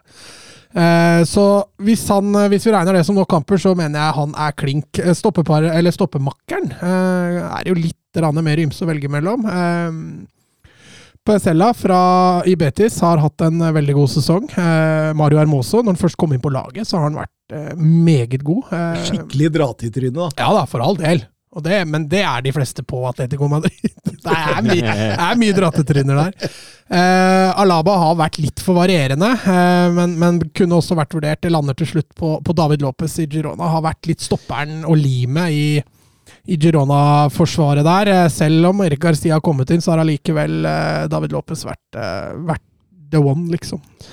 Jeg er enig med deg. Den som var nærmest for meg, var faktisk Camoso i Atletico. Jeg syns han har vært, eh, har vært veldig veldig god, men eh, det er de to som, eh, som jeg fint kan stå inne for. Stiller meg 100% bak. 100 og, og min lille softpot for Arajo, den den er jo Altså, jeg mener jo skadefri, verdens suverent beste stopper, og da mener jeg suverent beste. Ah, det jo Det sier jo bare litt om klassen hans, da, når Xavi møter Real Madrid og, og, og bare Nå skal du spille høyreback fordi du skal ta ut Venitius Junior, og det skjer hver gang. Nei, det er helt, eh, helt fantastisk. Eh, Nå er han vel skada igjen, Mats? Det stemmer. Han kom hjem fra Uruguay, gikk, ble båret gråtende av banen, så han er, han er ikke tilbake med det første heller, dessverre. Uff a meg. Eh, Høyre kant, der er det jo litt å ta av. Eh, flere der som har imponert meg. Noen er liksom litt sånn out of position, og det er liksom Hvor skal du sette dem? Men jeg, Takefusa Kubo, han må liksom inn der, og han kan spille på, på, på den sida. Eh, Inyaki Williams har jeg med inne der. Ja, Fede Valverde, fordi jeg syns han er best som høyre kant, selv om han har spilt mye som indreløper nå, men i litt annen Ja, fordi Real Madrid spiller jo ikke med kant, så han spiller en brei indreløpertype, eh, og det har passa han fint. Mm. Og eh, Rod Rygo har jeg også med som ja, Har han spilt kant? Jeg veit ikke. Eh, Kanskje ikke, men han, normalt sett så er han jo en kant i 4-3-3. Jeg, jeg, jeg falt for Valverde der, og, og jeg gjør det fordi vi var litt innom det eh, tidligere, at eh, denne 4-4-2 diamant, den har ikke bare passa Bellingham, den har passa Valverde også, fordi plutselig så får han litt mer løpeplass som en sånn brei indreløper, og jeg syns han har tatt den eh, rollen meget, meget bra. Ja, jeg stiller meg bak det. Ja, jeg kan nevne Sjuganko i, i Girona har vært eh, tidvis eh, strålende. Det sto til slutt mellom Kubo og Valverde, men eh, jeg lander også på Valverde. Han har vært eh, god i nesten alle kampene i år. Mm. Venstrekant, Søren. du. Ja, da er de også litt å ta av. Uh, da, er det, da, er- det mye bra i, uh, i La Liga. Altså, du har Mikkel Oyasabal i, uh, i Sociedad. Du har Nico Williams i, uh, i Athletic Club. Uh, det er Man kan jo fortsatt anse Vinicius Junior som en form for venstrekant, selv om han ikke spiller deg. Um, men den jeg landa på, er eh, Savio i eh, i Girona, Savio eller Savinho, en eh, 19 år gammel brasilianer som virkelig har, har slått ut i, eh, i La Liga nå. Eh, fire mål og fire assist og vært en bare bjelke offensivt for, for Girona-laget. Er jo bare på lån fra Troa, som vel også tilhører City Group, i likhet med, eh, med Girona der. Um, men, jeg så Barcelona ville ha den nå, men jeg bare tenker at det er opp til Manchester City. Eh, Ja, det. Uh, og hvis, hvis den fortsetter som den gjør nå, da, hvis den utvikler seg i, i den, eh, i den retninga videre, så skal vi ikke se bort ifra at den på et tidspunkt kommer til å dukke opp uh, for City. Han, han har vært strålende. Uh, han er mitt første valg der. Ja. Jeg er for så vidt eh, helt enig med deg, Søren Døpker. Vi nevner nevne Bryan Saragossa også Ja. i, i Granada. For en kamp han hadde, bl.a. mot eh, Barcelona, Mats. Ja, han har jo også kommet med på, på landslaget etter det. Også han, han også kan nevnes der, i likhet med f.eks. Felix nå, som, som riktignok har variert for mye til at han fortjener en plass, og Ayose Perez i, i Betis òg, som har eh, fått litt uh, ny vår igjen. Um, så hvis vi ikke skal ha Vini- Vinicius Junior på venstrekant, så er vel Sa, Savinho grei. Mm. Det blir litt sånn Hoeng Min Son-deal Mm. her ute og går. Den er grei. Eh, De sentrale to, da, Mats eh, Granvold. Ja, Ene sier seg ja, den selv. ene, Jude Bellingham, er jo klink. Det er vel kanskje den mest klinke av alle klinker vi har på på, på disse laga, så, så den Ja, er grei. sammen med en nier i Bayern München, tenker jeg. Så. Eh, nei, der er Boniface og Grassy klink, faktisk. Han skal ikke ha Kane, han der!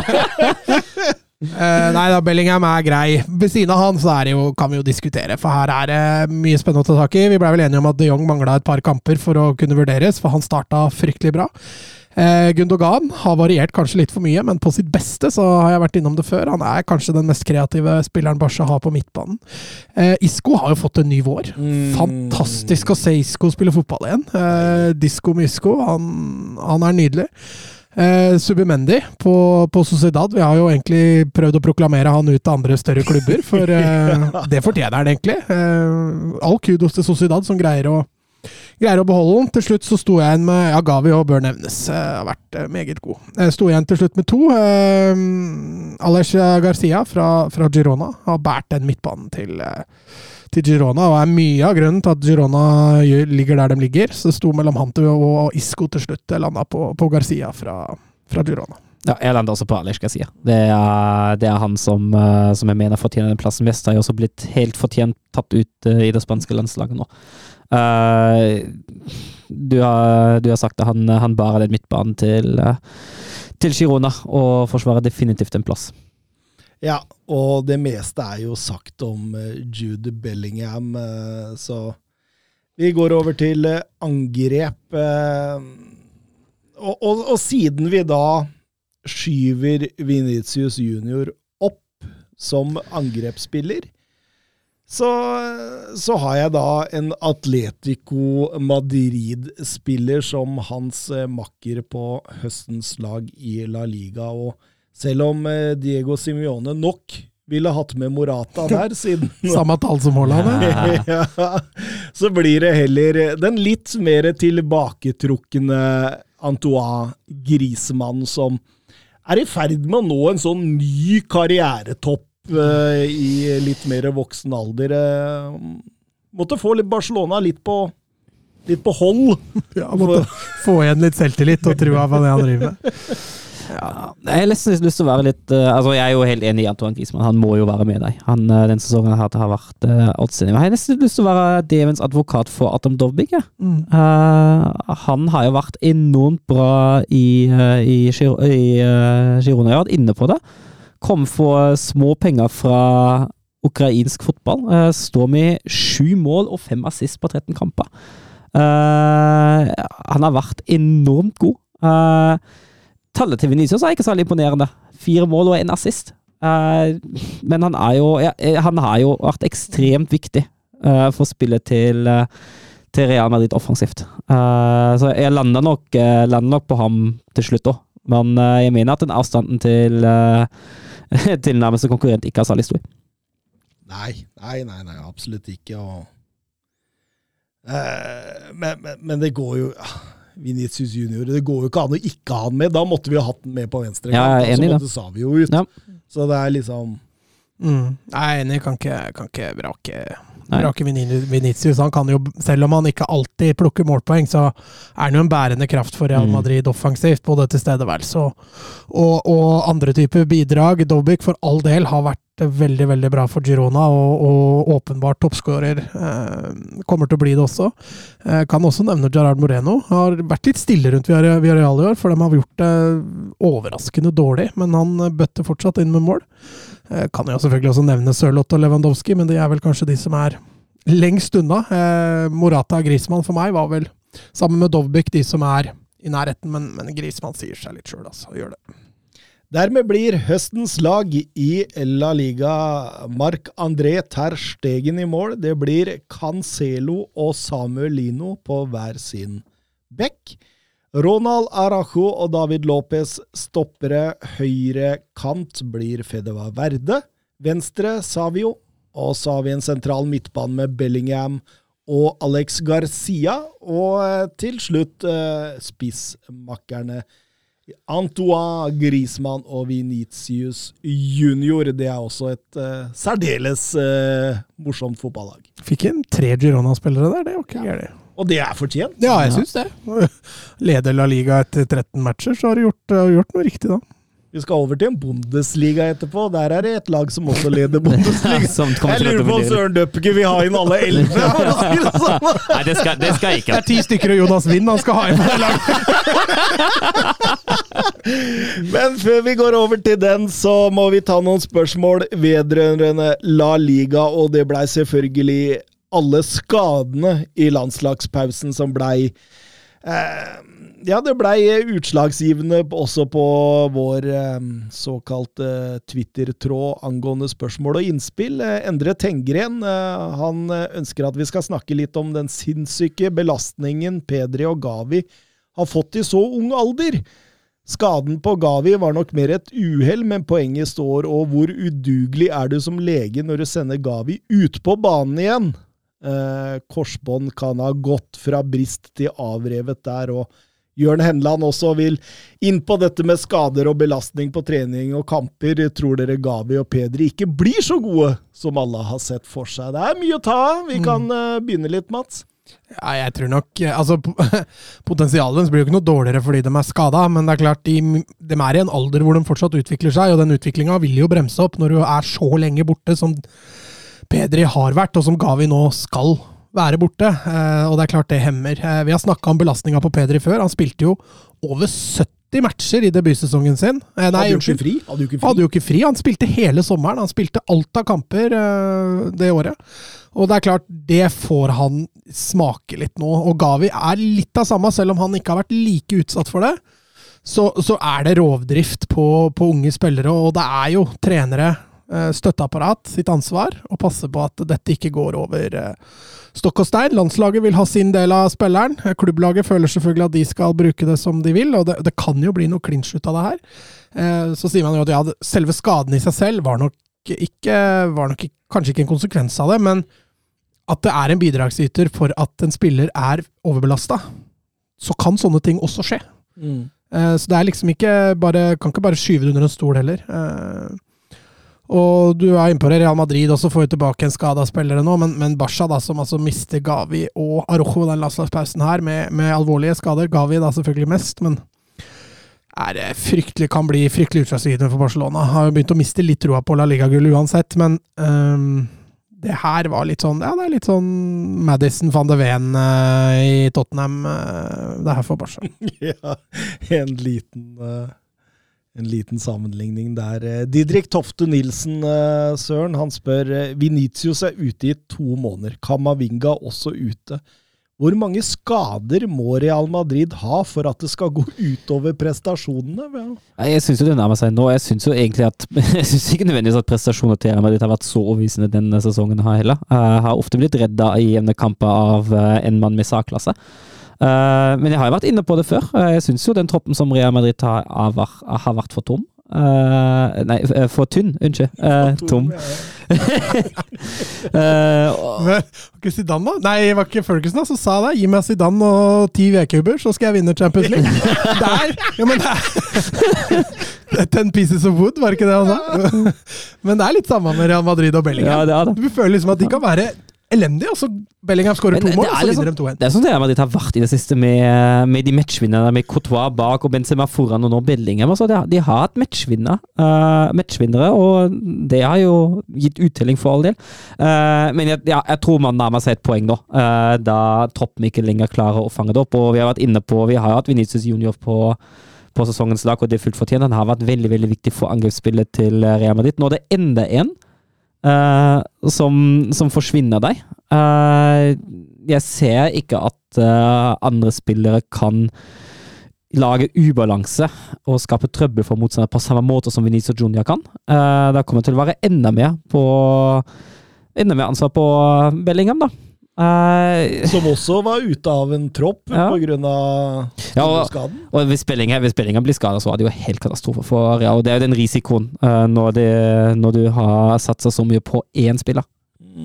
Ja, de har en ganske tynn Altså, de har ikke en tynn tropp, det har de jo ikke, men er ikke- Kvalitetsmessig har de det. det. fordi det er ikke så mange spillere som skal ut før kvaliteten begynner å dale. Og, og en Bellingham ut nå samtidig som Venitius er ute, så, så ser det veldig tynt ut offensivt for, eh, for Real Madrid. Og Ja, det kan jo bli eh, Hvis Bellingham er skada til kampen nå mot Cádiz i helgen, da, så kan det bli Brahim Diaz i tieren, Joselu og Rodrigo framme. Mm.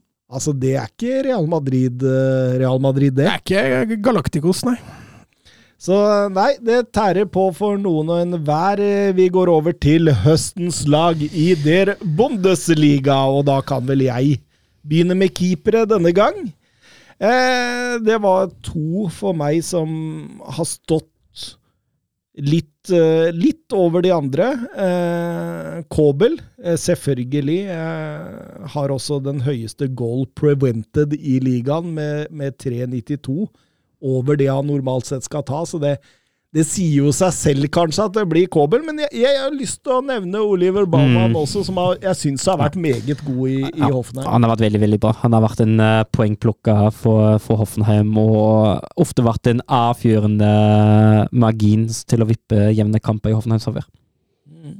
Så Men, kommer eh, Radetzky, altså. Ja, Altså, Radets, jeg føler altså, Radetski, Nubel og Blasvik de kommer sånn i den kategorien bak. De har vært Mm. gode, de òg, for all del, men de, de er ikke helt der oppe. Det er de to uh, altså, og, altså, Jeg vet ikke om du vil si det først, Thomas, men uh, jeg, jeg lander på Kobel, jeg. Ja, det, det gjør jo selvfølgelig jeg også, da.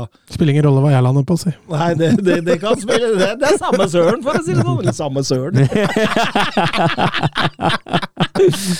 Det er samme søren, ja. Eh, det er samme som søren. Eh, Så da blir det Gregor Kobel, og det er, det er jo svært fortjent. Da, jo, eh, er jo den beste keeperen i Bundesliga når Neuer ikke er helt, helt på, på, på topp. Ja, Han har vært beste keeperen i Bundesliga forrige sesong. også.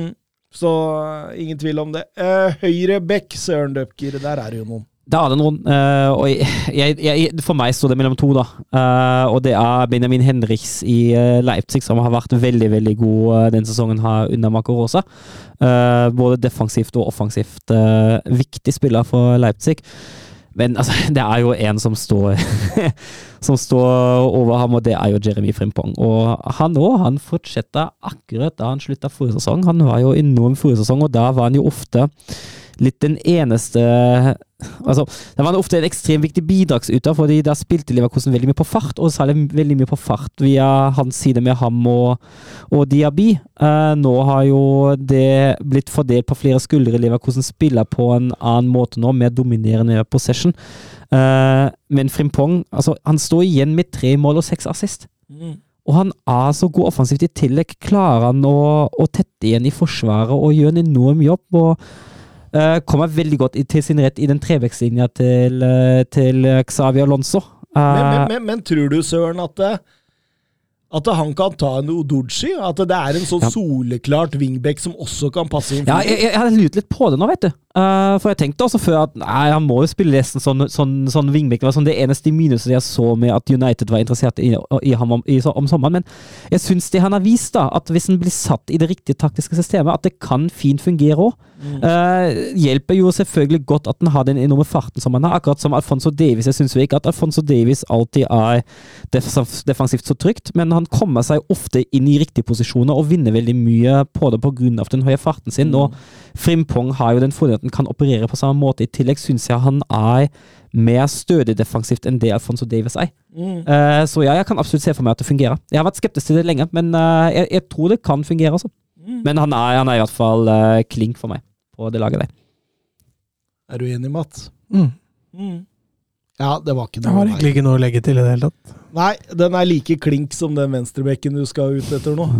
Ja. Nei, det var ikke så mye konkurranse på venstrebekken heller. Jeg hadde jo selvfølgelig en i Bayern München, som har vist også et veldig høyt toppnivå i år. En, en Raum også i Leipzig, som, som begynner å se ut. eh, Men det er jo ingen, ingen, vei, ingen vei utenom Grimaldo, for han har vært eh, han har vært fantastisk i år. Han skårer mål, han assisterer, han løper opp og ned. Han er vanskelig å bryte ned defensivt. Han, han har gode bidrag offensivt, så den, den er klink. Han hadde vel fått havna på et uh, høstens lag i alle topp fem-liga, han.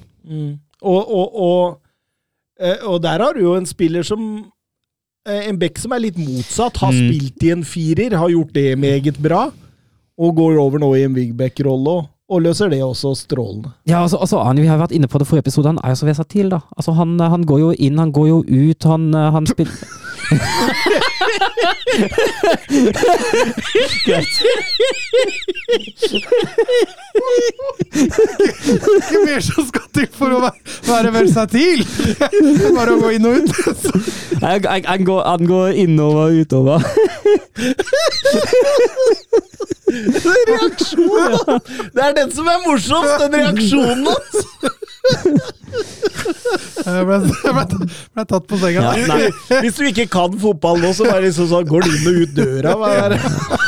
Men han, altså, han, er jo, han, er jo, han, er jo, han er jo å finne i forskjellige deler av banen og offensivt. Og han bidrar med så mange forskjellige aspekter, da. I tillegg har han enorm død- dødballfot, skårer mål sjøl, står for assist og Nei, enorm sesong så langt av Alejandro Gimaldo. Ja, hvis folk hadde hørt på 90 minutter, så hadde de jo henta han for lenge siden, Mats. Han har vært annonsert lenge, han. Eh, Hvert eneste år siden 2019 har han blitt annonsert i diverse storlag som trenger en venstreback. Ja, ja, ja. Eh, vi må på stopperplass, og Der var vi jo i, i, igjennom en sånn der liten, eh, liten rulle før eh, Før eh, vi gikk på studio. Eh, eh, Kosono han syns jeg har vært best i den treeren til Leverkosen bak der, med Ta og Tapsoba. Du, man kunne fint tatt en av de to andre, de har også vært solide. Eh, men Kosono, for meg, har vært den beste. Derfor får han den ene plassen, og så var det litt sånn Vi kan ikke kjøre en hel Leverkosen-firer bak der! Eh, og, og selv om han også sikkert kunne det, Kan Så- fint forsvare det. så, så faller jeg min, eh, min makker til Kosono på Kim Min Ja, og ja da, det har vært litt rusk og litt, uh, litt tull i frispillingen og sånt, men jeg, men jeg syns han har vært den beste av de tre uh, som spiller mest i, i uh, forsvaret til, eh, til eh, Tuchel. Så, jeg, så det blir Kim Min Ja og Kosono for meg. Ja, og Kosono er jo helt enig. Han har vært, han har vært. Jeg har Og, venta litt på han. ja, men han, nå, nå har han kommet. Ja. Nå han, eh, han deg. Um, og så er det jo mye utvalg på de andre makkene. Eh, En av makkene hans, Jonathan Tan, har vært eh, enorm som forsvarssjef i Leverkosen nå. Eh, kan nevne Kanka, kanka, kanka. Har Grimaldo og ta på samme høstens lag, da, da går det for borti her, holdt jeg på å si. Da det, går han inn og ut. det høres ut som jeg sitter igjen med avgjørende her, så spørs om ikke det blir tar. skjønner du. Nei, det, det, det nok ikke det. Men um, jeg kan også nevne Valdemar Anton i, i Stuttgart, og han Kabak i, uh, i Hoffenheim, som har vært veldig, veldig gode. Du Um, vraker jo ikke Jonathan Ta til fordel for Kim Minja. Han Ja, har- jeg- jeg Ta har jo vært bedre enn Kim Minja. har han det? Ta har jo ikke gjort noen store feil, han, sånn som Kom Minja. Kam Minja. Han, han, han bomma litt på en markering der, husker jeg. Han bomma Ja. på én markering, ja. Ja. Ok. Ja, det må ha vært i 2014, Ja, tror jeg. det, nå, nå har ikke jeg sett Altså, siden vi har Wolfsburg, Dortmund, RB Leipzig og Bayern München, så har ikke jeg sett alt Leverkosen. Eh, sett kanskje halvparten. Og jeg husker i hvert fall en markering der som var helt eh, på trynet. Men, men Kosono har liksom For meg da, så er det enda litt mer presence, da. Og, og han dekker litt større rom, for, for ta han, han er i midten av disse to. Så han, har, han står litt mer, da. Og det, det er jo for, i og for seg greit. Det det hans. han er, ja. ja. Men, men det å spille på siden av ta, da, tror jeg krever enda mer. Og, og eh, Tapsoba og Kosovo, jeg syns begge de to har vært bedre enn ta. Og derfor så Tapsoba, Du som du ikke er noe glad i. mm. faktisk. Fy fader, nå snakker du ta langt ned i Nei, jeg, jeg, jeg syns jeg, jeg, syns, altså. Ta har vært, veldig veldig bra som, som sjef bak deg. Men, men det, det med Kim, da uh, Men ja. Hvem er det du hadde på laget ditt når du kom inn Nei, her? jeg, jeg, Få høre det. Nei, jeg- jeg ikke, ikke ljug nå, ikke ljug. nei, jeg hadde jo egentlig Ta, men, Eh, Du hadde det, vet du. men jo Hvem hadde du egentlig? Tao? Tao Kosono. Ja. Ja. Men uh, men jeg, er jo, altså, jeg, tror, jeg tror jeg lot meg farge litt av at jeg mener at Kim er et stykke unna den der monstersesongen han hadde i Napoli forrige sesong. da. Eh, Men hva var argumentet ditt når han ville ha inn Kim på laget? nei, jeg mente jo at den ikke var bra nok. Nei, nei, nei, nei, nei, nei. Det, var, det var argumentet ditt. Ja, men så så, så så han også det at Bayern München har sluppet inn ett mål mindre enn Leverkosen. Ja, men Her går det jo på prestasjon til hver Ja, enkelt jo spiller. det, men, men likevel, da. Jeg, jeg mener jo at Kim har Da vært er du solid. fæl, Mats! Da er du fæl! Ta, Du- du får- oss advokat, ja. Du, du, får nok ikke, du får nok ikke ta inn, vet du. Eh, jeg, jeg, jeg, jeg, er jeg, mener- jeg mener at Da skal jeg ha Kim, Slåttebekk. Kim, har, Kim har vært eh, Kim har hatt en meget svak kamp mot, eh, mot Heidenheim nå, det er greit. Eh, men ellers har det vært bunnsolid. Det, det som mangler litt, er liksom den frispillinga da. Det er da han, han har vært svak, og så har, har det glippet på, på en halv markering mot ham, for ham òg, Jeg husker ikke hvem det var. Men, uh, men i historien hele har det vært veldig solid, det som uh, Kim Minja viser. Og han forsvarer jo absolutt en plass, og jeg, jeg kan være med og, og gi den. Deilig ducker. Deilig. Han er helt mutt borti der. Han har gitt opp. Jeg er overraska over vinglinga på hjørnet her. ass. Kom inn så høy og mørk på, på ta, og, og så bare skal det en liten diskusjon til, og så er han borte fra den med en gang. ass. Ja, men Det er bra, det. Han er jo diplomatisk. Døpkermatisk. Døpkermatisk. Døp- Døplermatisk. Ja, men altså, Ta hadde fint forsvart en plass òg, men uh, jeg syns det er greit å ta med Kim med.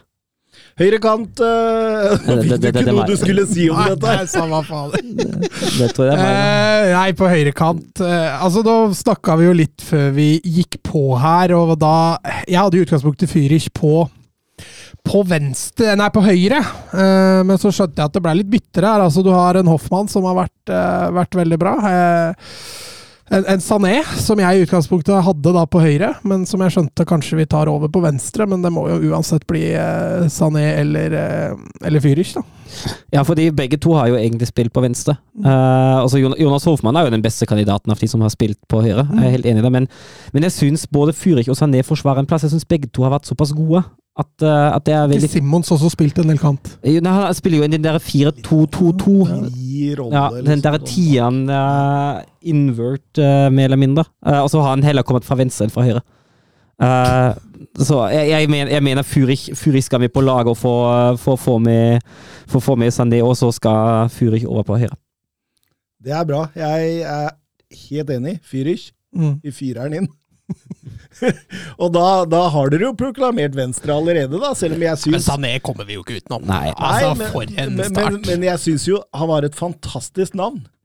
Jan Niklas Beste. Ja, og han har vært den beste i Heidenheim. Ja, og han har egentlig Ja, han har vært- altså, han, han, han er en honorable mention her, altså. Ja, han er definitivt. Ja, han på lista sjøl, altså. Uh, det er jo han som, uh, som har stått for det aller meste som, uh, som Heidenheim har skapt offensivt. Han og Dingchi, som er på lån fra, fra Vedar Bremen, har, har vært veldig positive inntrykk offensivt uh, for det nyopprykka laget der. Men uh, det er jo Leo Sané. Altså, det, det han har levert denne sesongen her, uh, særlig i samspill med, med Kane, det har vært helt enormt for Bayern München. Så det, det, det, fører på en måte ikke noe vei forbi Leroy Sané der. Nei, absolutt ikke. Det, han, han har levert eh, enormt. eh, så enormt at eh, diverse sånne useriøse medier har begynt å linke inn til Barcelona og Real Madrid nå, så da Ja, det er useriøst når du veit at Barca skal kjøpe ned. Da, da er du rimelig useriøs. Men da skjønner du også, når, når en begynner å få den linken, da, Mm. da, da har man virkelig prestert. Mm. Eh, så kan man jo kalle det useriøst om man vil. Eh, sentral? Det er min tur? Nei, det er vel kanskje meg? Nei, jeg hadde Sané. Det er din tur. Det er min tur, ja. Nei, men eh, da, og da, da er det jo mye å ta av. Eh, Jo, ta. mye å ta av. Uh, det er jo, det er jo bare, bare i Leverkosten er det jo tre stykk som kunne fint forsvart en plass på det laget. Ja, Sjaka, Palacios og Wirtz. Uh, Musiala har vært god for Bayern. Angelo Stilla i Stuttgart kom inn som endoerstatter og har, har vært en endoerstatter og vel så det, for han har vært en god offensiv sekser i tillegg. Eh, han, har hatt en, han har gjort en enorm jobb i Rett eh, og slett han Liverpool skulle hente. Det kan nesten sånn, sånn ut.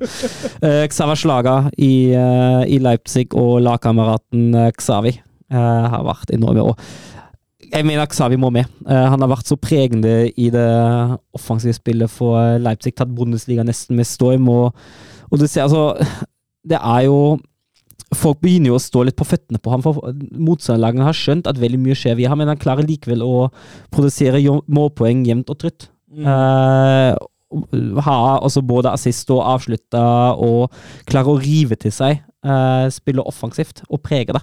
God på små flater, Ja. som gjør at han kommer seg unna og, og, og klarer å få satt i gang angrep veldig ofte. Kreativ. Ja, bra skudd har han også. Eh, Så han, han må med. Uh, og, og så står det for meg mellom Chaka og Palacios. Uh, Leverkosens uh, dyptliggende midtbane, uh, sentral midtbane. Og jeg syns jo den måten Granit Chaka har framstått på som sjef, eh, og pådriver på sentralt, ja, det har vært enormt. Så for meg blir det Granit Chaka, men uh, Palacios kunne vel så godt ha forsvart en plass der. ikke Wirtz. Wirtz òg, men eh, jeg, syns, jeg syns Palacios og Chaka ligger hakket foran Wirtz. Og særlig med tanke hvis vi prøver å balansere litt med Xavi og Wirtz, da. Da er jeg enig hvis vi skal balansere dette. Men uh, Mats, har du noe du ville si? Nei, jeg er ikke Altså, jeg hadde egentlig ikke bestemt meg. Jeg hadde lyst til å ha Simmons på laget. Jeg vurderte han på, på høyre, men når ikke han ble på kant, så er jeg enig i at jeg vil ha inn han sentralt. Og når man ser laget på papiret, så ser det veldig feil ut med Simmons og Wirtz, altså, på, på sentra der. Men jeg er litt mer Palacios-fan, da, så jeg har jo snakka om han lenge, egentlig. Eh, Så jeg, nei, jeg tror heller jeg heller litt mer mot han. jeg. Da går jeg for Julian Brandt. Og så. En Men det har vært den eneste som egentlig har vært bra offensivt for Dortmund, Ja. syns jeg. Ja, enig. Uh, og så er det jo litt, han, han har jo nesten vært litt for mye på kant, da. Mm. Og Terzic har jo, skal jo ha fått kritikk eh, internt i spillergruppa nå, at han har blitt, blitt for mye for, på kant og for lite sentralt. Så han bør jo kanskje være litt mer inn i, i sentrum. Men da er det jo jeg som velger mellom Sjaka og Palacios, da, og som Tottenham-mann, hva tror du jeg velger Ja, du velger Palacios, du. Så det er ikke noe fotballfaglig begrunnelse for det. Det er, det er hatet, fotballhatet som bestemte hvem som Men skulle det, det er følelser! Ja. Det er følelser, og det må man ta på alvor. Nei da, men, men det er fordi det er så små marginer Ja, det her. er det. Eh, så det kunne like godt vært Sjaka. Det kunne det. Ja, Ja. det, kunne, det kunne vært begge veier. De, de to gjør en fantastisk jobb Ja. Uh, i Leverkosens sentrale midtbane. Og passer bra med Wirtz der. Mm. Og jeg, jeg så en sånn eh, lengre analyse av Leverkosen her, hvor, hvor det er så enkelt å se hvordan alle de tre på midten jobber i forskjellige høyder for å hele tida kunne eh, spille ikke nødvendigvis bare ballen oppover, men også at man hele tida har forskjellige høyder på de tre, sånn at de hele tida er et alternativ for Altså alle tre er alltid et alternativ for hverandre. Mm. Eh, veldig, veldig artig å se den, eh, den lille analysen der. Jeg husker ikke helt hvor jeg så den, men eh, Angrep. Mhm. Den, den, den er tøff, men ikke tøff. Ja, for det er tre å velge mellom. Eh, altså, hadde jo Jonas Wind blant annet inni der døfkeren. Det er greit å få inn én Wolfsburg. eh, Nei, han, han når ikke opp, han gjør ikke det. Nei, han gjør ikke det. Nei, jeg jeg, jeg- jeg-. Han skåret alle måla til Wolfsburg, men han når ikke opp. Nei, men jeg, jeg mener, jeg mener selv at han ikke når opp. Det er andre det. Men eh, nei, altså Boniface, eh, Grassi, eh, Harry Kane eh, Og Harry Kane er vel rimelig klink, så valget til slutt sto jo mellom Boniface og Gurasi, og det er litt allikevel litt to forskjellige spisstyper, da. Eh, Boniface, jeg føler han appellerer mer til meg som fotballmann. eh, litt mer komplett. Mens Gurasi er litt mer den klassiske målskåreren. eh, men Allikevel skal jeg la hjernen bestemme her, for rent statistisk så, så er jo Gurasy nesten i en egen klasse. Så det blir jo Kane og Gurasy. Ja, jeg er helt enig. Eh, jeg er helt enig i alt du sier, altså til Boniface. Men hvis vi ser på tall, da. Uh, Boniface har jo spilt 971 minutter. Elleve kamper, produsert sju mål, fem assist. For et bedre lag. For et bedre lag, og har en XG på 11,22. Han har bomma en del. Um, likevel, han, altså han har vært bra. Det Ikke for forkleinelse for Boniface, da, men uh, Girasi spilt 669 minutter. 300 minutter mindre enn uh, en Boniface. Var på banen i ni kamper. Skåra 15 mål og én assist ut av en XG fra 9,12. Han ligger altså 5,88 over 50% av X-skin sin over det han skal ha. Og det der tyder på at det kommer til å ta en bråslutt. Og Det så sitter vi her og snakker om eh, Boniface på årets lag. Det, det, det kan få tenkes, det. Ja. Uh, og det kan jo også tenkes at uh, Girasi ikke blir aktuell, for han har jo en utkjøpsklausul Uh, som gjør han tilgjengelig for rundt 20 millioner euro nå i vinter, og han har jo Ryker, vet du. Han har hinta i den retninga. Ja. At uh, han, uh, han kan eh, tenke seg å forlate skuta. Så ja, men akkurat nå Ville vært forsiktig og brukt masse penger på nå, altså. Mm. Sånn one hit wonder. men er 20 millioner euro så mye for en spiss i 2023? Altså, er det, Ikke er det, for Premier League, Nei, det er men for mye annet. Ja, men er- altså, jeg tenker for Premier League-klubbene er jo det altså, Det er ikke Det er et lite-sjansespill, men likevel, altså Jeg hadde tatt sjansen hadde jeg vært Ja, ja, ja. Koglu, for eksempel, nå. Jeg hadde, vært sjansen, jeg hadde tatt sjansen hadde vært en hvilken som helst Premier League-klubb, nesten. Altså.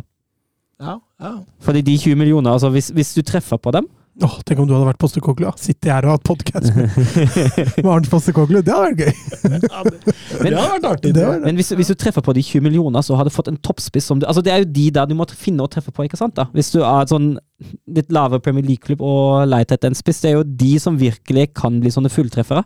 Ja. Og hvis du bommer, da har du brukt 20 millioner euro. Ja, ja. Det, det er dessverre sånn det er i Premier League. Kanskje Newcastle, da, siden alle spissene deres blir skada uansett. Ja, det kan jo tenkes, det. Nei, men det blir i hvert fall Girasi og, og Kane for meg, og Kane er jo selvskreven. Han knuser jo rekord etter rekord etter rekord. Jeg så bare i dag så en statistikk hvordan han, eh, hvordan han ligger sammenligna med de to rekordsesongene til eh, Gert Müller som endte på 40, og Lewandowski som endte på 41, og han, han ligger vel han ligger vel langt, langt foran. Jeg tror han ligger fire mål foran uh, Mulla og åtte foran Lewandowski. og sånt. Det er helt sykt. Og han er ikke helt innspilt ennå, heller. Nei. Er det for lett for han i Bundesliga? Når ikke lytterne våre gjør det, så gjør Mats det. Nydelig. Eh, Men da har vi kommet til årets, nei, høstens lag i Bundesliga. Det er Kobel i mål, det er eh, Leverkosen-bekkene Grimaldo og Frimpong. Det er Kosono og Kim In-ja eh, som stoppere. Til høyre Chris Fyrish fra Stuttgart. Til venstre Leroy Sané. Og så har vi en sentral midtbane med Sjavo Simons og Palacios. Og eh, Harry Kane og Girassi på topp. Og da spør Bernt Olav Gjellegjerde Hansen. Leverkosen sin sesong. De har, har de hatt sine marginer, eller er det en godt gjennomført plan som gir disse resultatene nå plutselig? Altså, det, er jo, det er jo litt av begge der. Eh, de har jo hatt noen kamper med marginer. Hvis man ser på f.eks. expected points, så skulle de vært på tredjeplass og ca. fire poeng bak Bayern. Eh, men det utelukker ikke at, eh, at det ikke er en velfungerende plan der. fordi um, man så jo fremgangen allerede i fjor. ja, men de gjorde jo det. Og da var det veldig mye altså Det Xabi Alonso har gjort da han kom inn, det var jo å stabilisere forsvaret, var førstegrepet hans. Og så satse egentlig veldig mye på overgangsspillet med de kjappe spillerne han hadde tilgjengelig da. Vi har jo nevnt Frimpong og, og Diaby, blant annet. Eh, men det han har gjort nå, er jo at han har bygga en ekstremt dominerende spillestil. Eh, litt sånn i spansk stil, kan man si. Eh, som bryter ned motstander etter motstander. biter seg fast, sirkulerer ball, finner rom, åpner rom. har henta masse spillertyper som man trenger, både unge talenter og erfarne ringrever som, som hjelper det laget der, og har satt sammen et enormt fotballag. eh, som jeg tror kommer til å være i, uh, i tittelstriden i eh, Bundesliga helt inn, eller nesten helt inn. Altså. Men men får Simon Rolfes nok skryt? Nei, han gjør jo ikke det. Han er sportsdirektøren i, eh, i Leverkosen, og det laget han har bygd, det har jo vært enormt i år. Uh, og det, det, det starter jo ikke den sommeren her. Leverkosen har jo alltid hatt en klar overgangsstrategi om å hente unge talenter. Eh, det er jo for Xavier Lonzo nå at man har forlatt den overgangsstrategien litt, og har hentet sånne typer som Granit Xhaka, Alejandro Gimaldo og Jonas Hoffmann. Det er jo han som eksplisitt har spurt om dem. Eh, Leverkosen har egentlig ikke henta så mange eldre og erfarne spillere, men heller bygger opp unge spillere sjøl.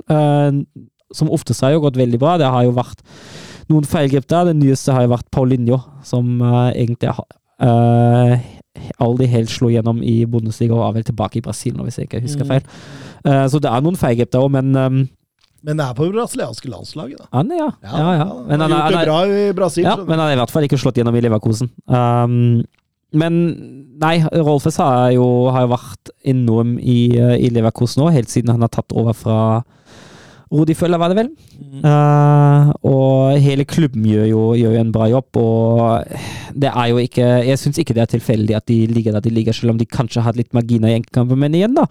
Det, det utmerker også topplag. At ja, da får man, eh, får man 1-1 i, i sekken mot Wolfsburg, og så angriper man videre og skårer 2-1. Man eh, leder 2-0 mot Freiburg, og så kommer 2-1 kvarter før slutt, og så står man, står man det likevel helt inn og vinner den kampen. Man leder 2-0 mot Hoffenheim, får 2-2 i løpet av veldig få minutter, og klarer likevel å omstille seg og jage på og skåre det tredje og vinne de kampene der. Det er jo ekstremt Bayern-like. Det er jo det vi har sett av Bayern München i en årrekke i Bundesliga nå. Så lenge jeg kan huske, har Bayern München vært sånn. Og plutselig er, er Leverkosen også sånn. Og det er jo igjen eh, et tegn på et lag som, eh, som er klar til å ta gullstriden. Jeg så et intervju med Simon Rolfes eh, her om dagen. Han var ekstremt bevisst på scouting. Han sa han Mm. så mye fotball sjøl. Han brukte video. Eh, og han sier at eh, han bruker mye video fordi tall er ikke godt nok. Man må også se, sier han er veldig opptatt av det. At de som bare kjører tall, at det blir for lite perspektiv på det. Da. Så sa han jeg bruker masse tid med scouting-teamet og finner ut av hva man behøver gjennom hovedtrener. Og så går vi til scouting-teamet, vi diskuterer, vi ser kamper, vi sender dem hit, vi sender dem dit. Og når man har funnet en spiller som passer perfekt inn i det systemet, så går man på personligheten til spilleren. Hvilken spiller er det vi, vi, vi trenger? Åssen type trenger man? Er han en som tar ansvar? Er han en som holder seg unna masse dritt? Åssen personlighet har han? da? Jeg bare tenker meg Manchester United, gå og hent han! da! Ja. men det, det passer så fint, fordi Rolfe sa jo også som spiller, jeg husker veldig godt som spiller òg, har vært en, eh, har vært en eh, sekser han òg, og har vært en ekstrem fotballsmart type. Eh, så det, det at han gjør den, den kloke og gjennomtenkte jobben nå som sportssjef, uh, overrasker meg ikke i det hele tatt i Leverkosen. Steffen Hansen, hva tenker man rundt avgangen til Ors Fischer i Union? Fikk han for liten tid på å snu dette igjen? Veien videre denne sesongen, kan de rykke ned? Ja, først og fremst syns jeg det er viktig å, å påpeke han har ikke fått sparken. Eh, klubben har jo gått ut og sagt at det er enighet om å avslutte, og det er jo gjerne I hvert fall i England er det jo ofte at man, man har fått spark, men i dette tilfellet var det faktisk enighet. At uh, Fischer har oppsøkt presidenten Dirk Singla, uh, og de har snakka, og så satt Singla etter to minutter skjønte jeg hvor dette her bar hen. Eh, men han var jo også ute i pressekonferansen og sagt at han har ikke fått sparken, og han har ikke, han har ikke trukket seg.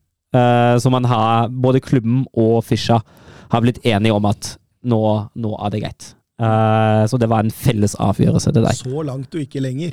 Ja, det var litt dømt. Altså, man kunne f altså, Jeg kanskje ikke forestille seg hvor dårlig det gikk, da, for det, det var vanskelig å se. Men Union har jo tatt en litt annen retning i spillelogistikken denne sesongen, og det Jeg tror det er noe som har felt dem litt. altså At de, de har gått litt vekk fra, fra det som har vært kjent og kjært, og noe som har fungert. Og Urs Fischer slår meg heller ikke som den mest eh, Hva skal vi si? En sånn som Versitale, som inn og, inn og ut. Eh, altså som kan Hva skal vi si? Justere. In, ja, ja. in, innovativ. Ja. ja.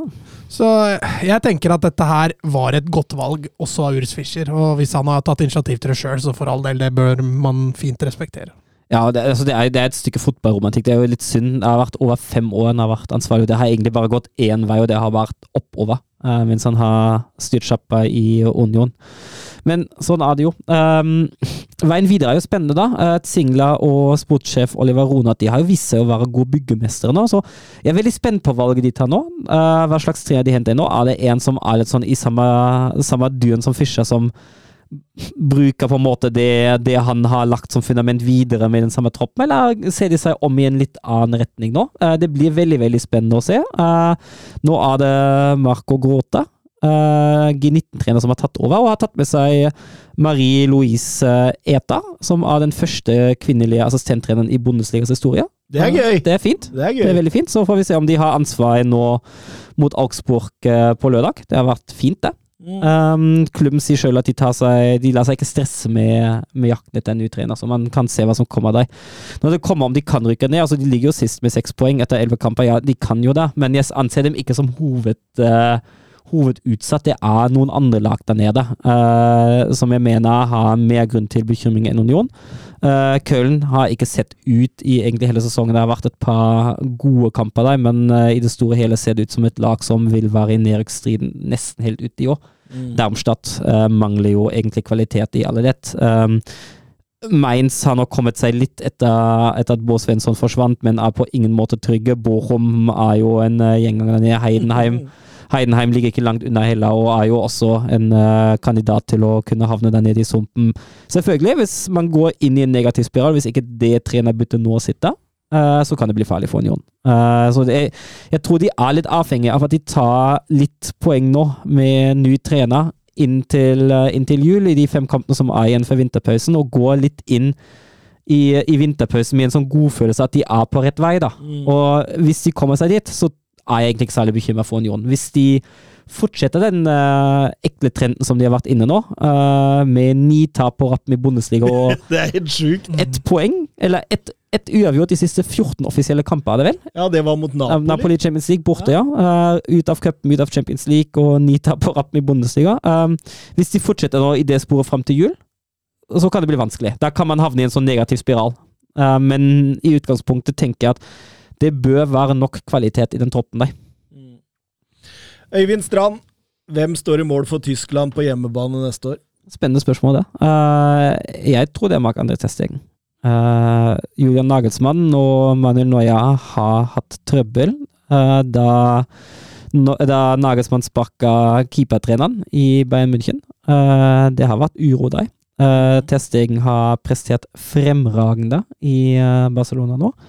Uh, jeg tror det er Testegen som står. Han var jo ikke, sto jo ikke de landskampene nå, hadde rykkproblemer. Uh, var derfor ute av troppen og fikk ikke spilt uh, nå mot yes, Barcelona-spiller skada? Ja. Høres ikke riktig ut. men, men, hvis jeg må gjette nå, tipper jeg Testegen. Mm. Nydelig, nydelig. Høstens lag i Serie A skal vi frem til nå, og ja, jeg er kommet litt ut av uh, hvem som begynner, men vi kan begynne med Søren Dupker. Ja, Da er vi på keeperen. Å oh, ja. Vi, vi, vi, begynner der. vi begynner der. Vi kan, vi, kan, vi kan være radikale og starte på spiss òg. Nei, men uh, det er tre for meg, da. Uh, Wojciech Szczesny. Vi har jo skjelt den ut og avskilt den og, og, alt det der. Men altså, han har hatt en grusom kamp mot Sassolo, mener jeg å huske. Da, da har han jo ja, ja. kasta fire mål i eget nett, nesten. Uh, Egentlig den kampen som snudde Juventus sesongen ja, litt, og, og to, en Allegri som gikk tilbake til en defensiv struktur. Det var vel to tabber til, til ham da. Uh, Tre, men, tror jeg. Det var tre, ja. ja. Men uansett, da. Han har vært veldig bra ellers. Uh, Riktignok bak et uh, veldig, veldig solid forsvar. Um, men uh, likevel, skal jeg ikke ta vekk noe fra ham. Uh, Jan Sommer han har vært god i Inter. Har kommet litt sånn tilbake etter den, etter den svake halvåret i Bayern. Kommet tilbake til sånn gammel styrke. Um, og, Åtte ganger nullen. Ja, og det er jo, det er jo veldig, veldig gode tall. Um, men vi må jo kanskje til han som hindrer mest med tanke på, på, expected goals against og alt det der, og det er jo Michele Di Gregorio i, uh, i Monza. Som har vært uh, Han har jo vært enorm. Uh, ti baklengsmål i elleve kamper, og fire ganger null. og da er det ikke et like stabilt forsvar som, som Stesny har, altså. Det Nei, for, for, for Søren er litt inne på det, Mats. at det, altså, det er jo kanskje Sommer og Stensny. Det er, det er, jo to keepere som profilerer av å stå bak et veldig solid og godt forsvar. Mm. Det gjør jo ikke Di Gregorio. Nei. Allikevel så er det han som fremhever seg ganske mye. Han, han, har vist seg å være veldig trygg. Sikkert, sikkert, fint å ha han bakerst også for Monza, men det at de har så lite baklengs, det på, tross, på tross av, så skiller han seg egentlig litt ut, altså. Mm. Ja, vi, vi, vi, kjører Di Gregorio som, som keeper. Det er ingen som helst tvil om, spør du meg, sånn som det står nå. Eh, høyrebekk, eh, Mats? Ja, par å, par å velge mellom. Landa Altså, nå dytta jeg Danilo ut på høyrebekken, ja da, men vi kan prøve å dytte han inn igjen på stopperen eventuelt. Altså, Denzil Dumfries fortsetter uh, riktignok som wingback, men er jo fremragende offensivt. Det er jo et eh, er jo en trussel aleine på sine beste dager. Har selvfølgelig litt å jobbe med defensivt, men eh, fortsetter den gode sesongen i fjor. Har han tatt med seg inn i år. Eh, Mikael Koyada, eh, Kayode eh, fra Fiorentina, har vært strøken. Fiorentina også, som har, vært underholdende å se på i år. Bør prøve å få lurt med en inn der. Men jeg lander nok på Di Lorenzo. Eh, har også fortsatt storformen fra i fjor. Stol til slutt gjennom Di Lorenzo Dumfries, og lander på Di Lorenzo. Ja, eh, vil si meg enig i det. Di Lorenzo han har liksom på en måte ikke vært prega av, av det Rudi Garcia har kommet med. Jeg syns han leverer like bra nå som under Spalletti. Kommer alltid på disse løpa sine. Er, vi vi snakka litt om Cancelo, at han gir en sånn dimensjon offensivt for Barcelona. Det samme gjør eh, Di Lorenzo for, for Napoli. og, og Syns han fortsetter å, å være strålende, jeg, Søren. Ja, jeg er helt enig, og jeg syns det er fullt fortjent at han blir med nå på laget òg. Mm. Venstrebacker, det koka ned i, eh, til slutt i fire mulige, mulige navn for min del. Eh, Spinazzola, som på, måte, på mange måter er tilbake igjen litt der han var før han fikk denne skaden underveis i denne EM-triumfen. Eh, tatt litt tid, men syns han begynner å se bra ut nå eh, i Mourinhos eh, system. Eh, Toveis, alltid villig framover i banen. Og, nei, jeg syns han er bra. Eh, Filip Kostik er en annen en som jeg syns er strålende for Juventus. Eh, har et fantastisk venstrebein. Da. Eneste som irriterer meg eh, med det, det er at jeg syns det venstrebeinet bør bruke styrken til Vlaovic litt oftere, litt mer. Altså Jeg syns på en måte at de, de svingra kommer ofte langs bakken, og at eh, det på en måte profilerer andre spillere enn enn Vlaovic. da. Eh, Theo Hernandez må tas med inn i der, men, men for meg så er eh, Federico Di Marco fra Inter eh, den beste venstrebekken så langt i, i, i, i høstens eh, Serie A. I stemmes. Ja, samme vei. Mm. Eh, Stoppere, Døpkern? Ja, da må vi jo innom eh, I hvert fall innom de to lagene som har imponert mest med forsvaret sitt, syns jeg. Eh, kan jo også Kan jo for så vidt også nevne Lucas Martinez Quarta og Scalvini, eh, for all del. Men uh, Bastoni Akerbi har vært, uh, har vært uh, veldig, veldig bra. Uh, men eh, de to jeg mener er de som bør inn der, er jo Brema og Danilo.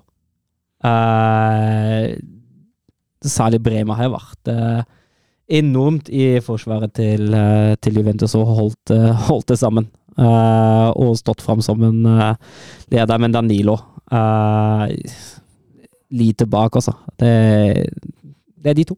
Var litt slow starter, han Bremer, men fy fader, han har kommet seg, altså.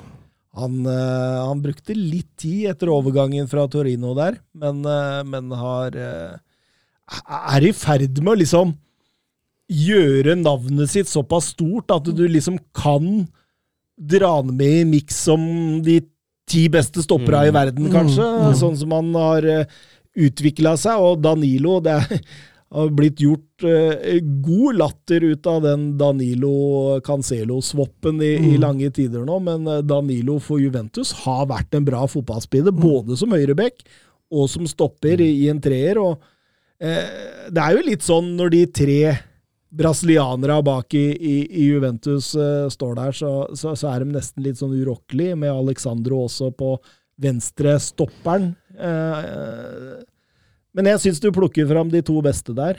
Eh, vil ikke diskutere noe ved det. Nei, du kan gå videre på den. Det kan istemmes.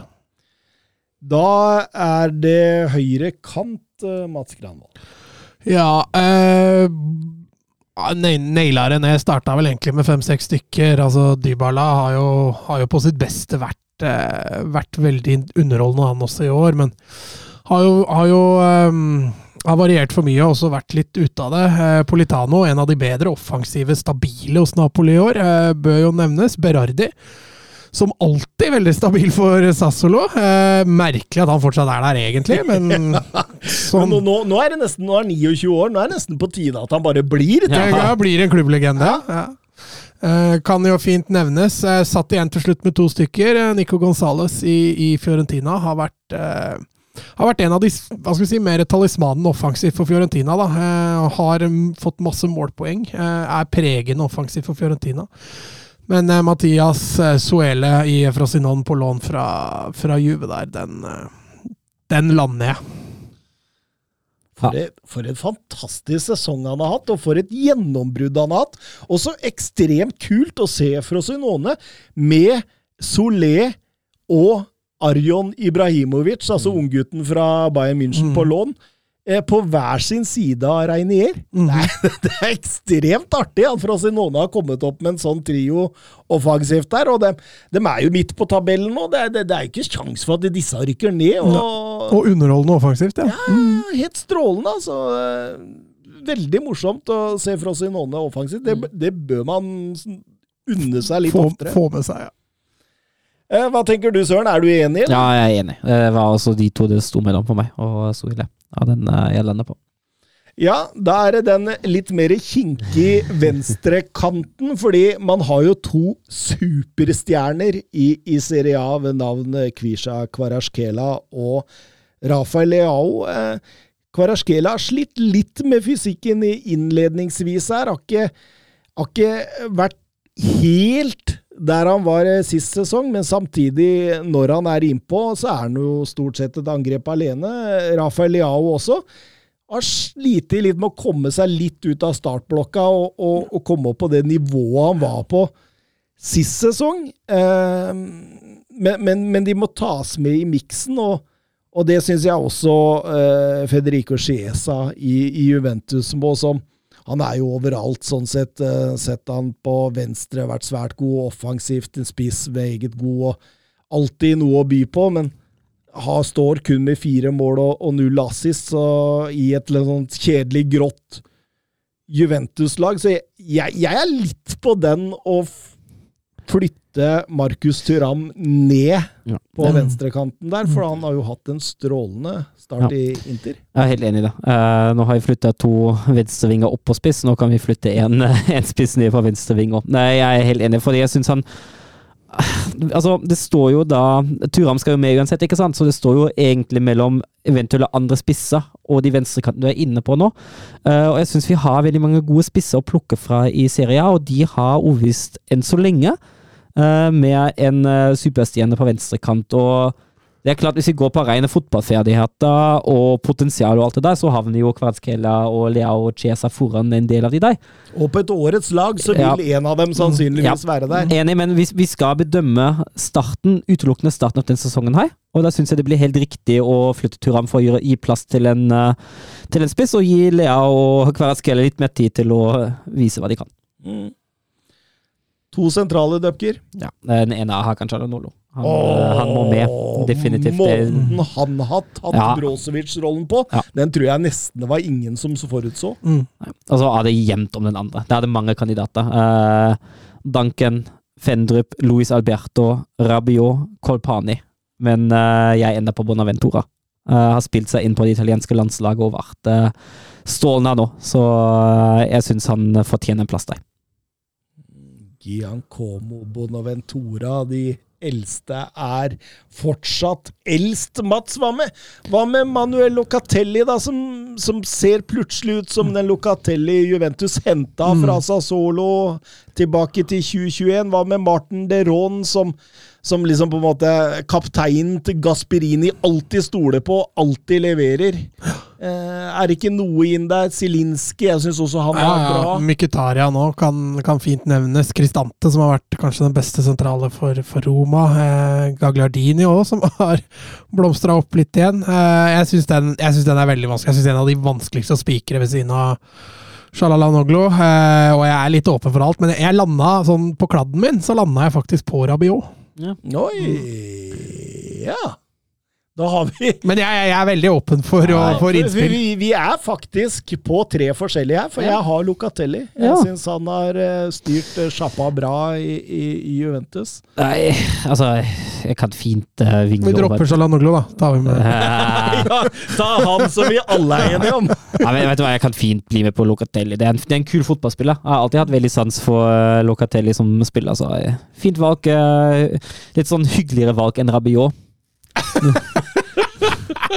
Det er deilig. Du sier jeg har uhyggelig valg, altså. Det, Ja, mora til Rabiot gjorde at han forsvant ut her. Nei, men det er bra, det. Eh, da blir det angrep, eh, Mats Granvold. Der skal vi ha to. Ja, og vi har jo en klink her også, som vi har stort sett hatt i alle ligaene. Lautoro Martinez har hatt eh, kanskje sin beste start på en Serie A-sesong noen gang. Eh, er helt outstanding. Skårer mål, legger til rette. God i presspillet, god i etablert off, kreativ. Altså, han, eh, han hadde én off-måned, det var VM. Eh, ellers så er han Og Inte er strålende fornøyd med at off-månen kom da. ja, det, det kan man jo selvfølgelig forstå. Eh, etter det så har han jo Ja, den er, den er klink. Eh, ved siden av han, da, hvis vi ikke skal ha Turam der, så så er det litt å velge mellom. Uh, Oshimen har vel vært litt for mye skada til at vi skal ta han seriøst. Lukaku har fått en god start i, i Roma, kan fint nevnes. Gudmundsson i Bologna har eh, vært med å bære litt offensiv i, i Bolognas eh, opptur av en sesong så langt. Eh, Men, men hvis vi da skal gjøre det på den måten, så tror jeg nok jeg banker inn eh, Giroud eh, ved siden av Martinez. Ja, han må bli fora. Fora i boks, og når han gjør det, så er han enorm. Han eh, Di Lorenzo på enebekken og, og Di Marco på andre bekken, så blir jo Giroud fora. Jeg tror ikke du skal være redd for det, altså. Ja, det er 37 år, men holder fortsatt koken. eh, Går inn i et par kampers karantene nå, men eh, det er jo imponerende det han leverer. Ja, han har jo ikke mista noe særlig av farligheten som han har i boksen og nettopp blir spilt opp. Han har jo eh, han har vist seg å være en god presens der inne og utnytte de sjansene han får. Eh, Så jeg støtter Mats i valget av Giroud, ja. Den er grei. Da er høstens lag i Serie A som følger eh, Michele Di Gregorio som keeper. Vi har eh, Giovanni Di Lorenzo og Federico Di Marco som backer. Vi har Juventus-duoen Bremer og Danilo som stoppere. Høyre kant. Der falt valget på Mathias Solé i Frosinone. Venstrekant eh, Markus Tyram, Shana Nuglo og Lucatelli, Locatelli, sentrale midtbanespillere med Lautaro Martinez og eh, Olivier Giroud som spissmakkere. Jonathan Hobber, dere fikk Walter Mazzari-nyheten på direkten i forrige episode og var utelukkende negativ. Kan dere snakke litt rundt det? Ja, det kan, det kan vi jo. Uh, og det starter jo med spillsystemet han bruker. Thomas, du sa Østegård kommer til å komme inn i en tre, og det stemmer jo, fordi uh, 3-5-2 det er det Matsari står for uh, å bruke, og det er lite avvik fra akkurat den der. Um, og vi har jo vært inne på det da vi diskuterte Konte, at ja, det er jo fint med Konto, han kunne løfta det der, men hva gjør en med Kvaratskhelia? Og det blir spennende å se hva han gjør med Kvaratskhelia. Altså det, det jeg ser jo at enten så må han bli indreløper, det er ikke noe tro på, eller så går han opp på topp sammen med oss i menn. Eller Eh, Wingbekk, da. ja, det, Det hadde Diego Diego Simeone. hadde satt den rett på wingbekken. men, men det er det ene. Men det andre er jo at dette er jo er en fotballtrener som konsekvent egentlig har stått for defensiv. Eh, det er jo defensiv fokus i sånn den gamle italienske skolen. Det er trygghet først, eh, og så er det overganger. Eh, det er det det meste går i. og altså, Når han mislykkes i Inter, delvis fordi Inter-supporterne syns at den fotballen blir for kjedelig. Altså, det, det, det, det bør jo være en oppvekker. Eh, her snakker vi om en trener som ikke fortsetter den tradisjonen, eller den, den utviklingen Napoli har tatt. Uh, det siste året. Men, går, men snur seg jo i helt motsatt retning. Ja. Det er ingen rød tråd der i det hele tatt. Eh, og i tillegg, og det, jeg, tror jeg har vært inne på det i forrige episode, dette er jo en trener som Ja, han var god i Napoli da han var der sist, for ti år siden, men ellers har han jo mislykka nesten overalt. ja. Watford, Torino, Cagliari. Det har ikke blitt noe In, Inter, da. var- Ja. Ja. Det, jeg, jeg har så lite tru på dette at jeg jeg tenker nesten da hadde vært bedre å gitt Rudi Garcia sesongen ut, jeg. Ja, det, sier, det sier mye. Ja, jeg, jeg, jeg Altså, vet du hva? Når jeg kom hjem etter forrige episode, så, så, så tenkte jeg jeg må ha drømt at vi fikk uh, Masari på, på, på direkten der. Uh, jeg skjønner ikke helt hva man tenker her, og det, det er jo litt Di Laurentis, det da han det, det er som vi sa, enten så kommer det en kanon, eller så kommer det noe vi aldri kunne, kunne forutsett, og det blei det siste. Mm. Nei. Høstens lag i league æ. Det må vi ta. Eh, vi kan begynne med keepera. Skal vi begynne med Mats, da? Eh, Ja, det kan vi gjøre. Jeg skal bare ta fram riktig eh, notat eh, der. Det blei til slutt kludra ned til to stykker. Donnarumma har et kanskje det høyeste toppnivået i, som keeper i ligaen. Eh, er jo en blekksprut når han virkelig kommer inn i, i, rett, i rett miljø der. Men allikevel, Marcin Bulka i NIS er vel den jeg lander på til slutt har uh, står bakerst i et strålende NIS-forsvar som knapt nok slipper til, og, og har en redningsprosent som absolutt forsvarer en plass på det laget her. Ja, holdt nullen i 75% av kampene, redda to straffer, høyeste redningsprosenten i ligaen. Den 24 år gamle polakken har jo fått et voldsomt gjennombrudd denne sesongen. Jeg husker jo, han var jo i Chelsea-akademiet, og så gikk han jo til PSG, der. Mm. Og, og uten å slå aldri igjennom, men, eh, men i NIS derimot, der er vi i ferd med å se et voldsomt gjennombrudd, Øpker. Ja, øh, og det er jo hyggelig å se når keepere spillere generelt slår gjennom, men øh, keep, Jeg syns det er litt sånn spesielt med keepere, kanskje fordi jeg, jeg er keeper sjøl, men jeg husker veldig godt da altså, De første keeperne jeg følte at jeg opplevde slo gjennom, var sånn Noia og Adla. Uh, og så er det sånn, litt sånn fint å kunne se at man begynner, altså det kommer en som virkelig begynner å prege en, en ære, da. Ja. Jeg syns også vi må nevne Arthur Desmas i, i Le Havre, som er en av hovedgrunnene til at Le Havre ligger såpass høyt. Han har faktisk hindra, hør nå her, 5,7 mål over forventet. Ja, det er Og holdt ass. fem gang, ganger nullen, og, og holder på en måte Le Havre godt plassert og opp på midten av tabellen der. Eh, imponerende. Uh, Høyrebekk eh, For meg så er det bare én her, og han Vi har snakka om den litt tidligere, hvordan han litt sånn nonsjalant starta PSG-karriera si. At det var liksom ikke det samme man hadde sett i Dortmund og, og Inter. At det var liksom Nå skal jeg komme her og det er, det, ta litt lett på det, liksom. Mm. Men uh, denne sesongen her, under Luis Henrique uh, For en fotball han har spilt. For en uh, back. Han har jo igjen uh, vist seg å bli og spiller omtrent sin beste fotball nå, og der snakker selvfølgelig om Akraf Hakimi. Ja, det er vanskelig å være uenig i den. Har heller ikke all verdens eh, konkurranse. Altså Wanderson i Monaco har vært eh, brukbar. Kan jo, kan jo nevnes. Jonathan Klaus også, som holder seg på, på landslaget, men spiller jo på et veldig ustabilt lag. Eh, så Hakimi virker jo grei. Ja, enig. Venstrebekk, Døpker. Ja, der sto det mellom to. Uh, Caio Henrique han har spilt akkurat nok. Han har spilt 50% av kampene. Uh, fikk seks kamper, fire assist. Er jo litt sånn den offensive typen. Den sånn fremadstormende bekken som ikke bryr seg så voldsomt mye om at det kanskje oppstår noen hull bak. Uh, eller ikke ser ut til å bry seg så voldsomt mye om det. Uh, men hvis man vil gå for litt mer balanse, så er det jo Melvin Barth i, i NIS, da. Spilt dobbelt så mange kamper, og halvparten av assister, men er jo betraktelig mer, def mer stabil defensivt. Uh, og jeg tenker hvis man ser på, på overall, da, uh, og helhetlig, helhetlig prestasjon, så er det jo Barth som uh, forsvarer eller fortjener plassen mest.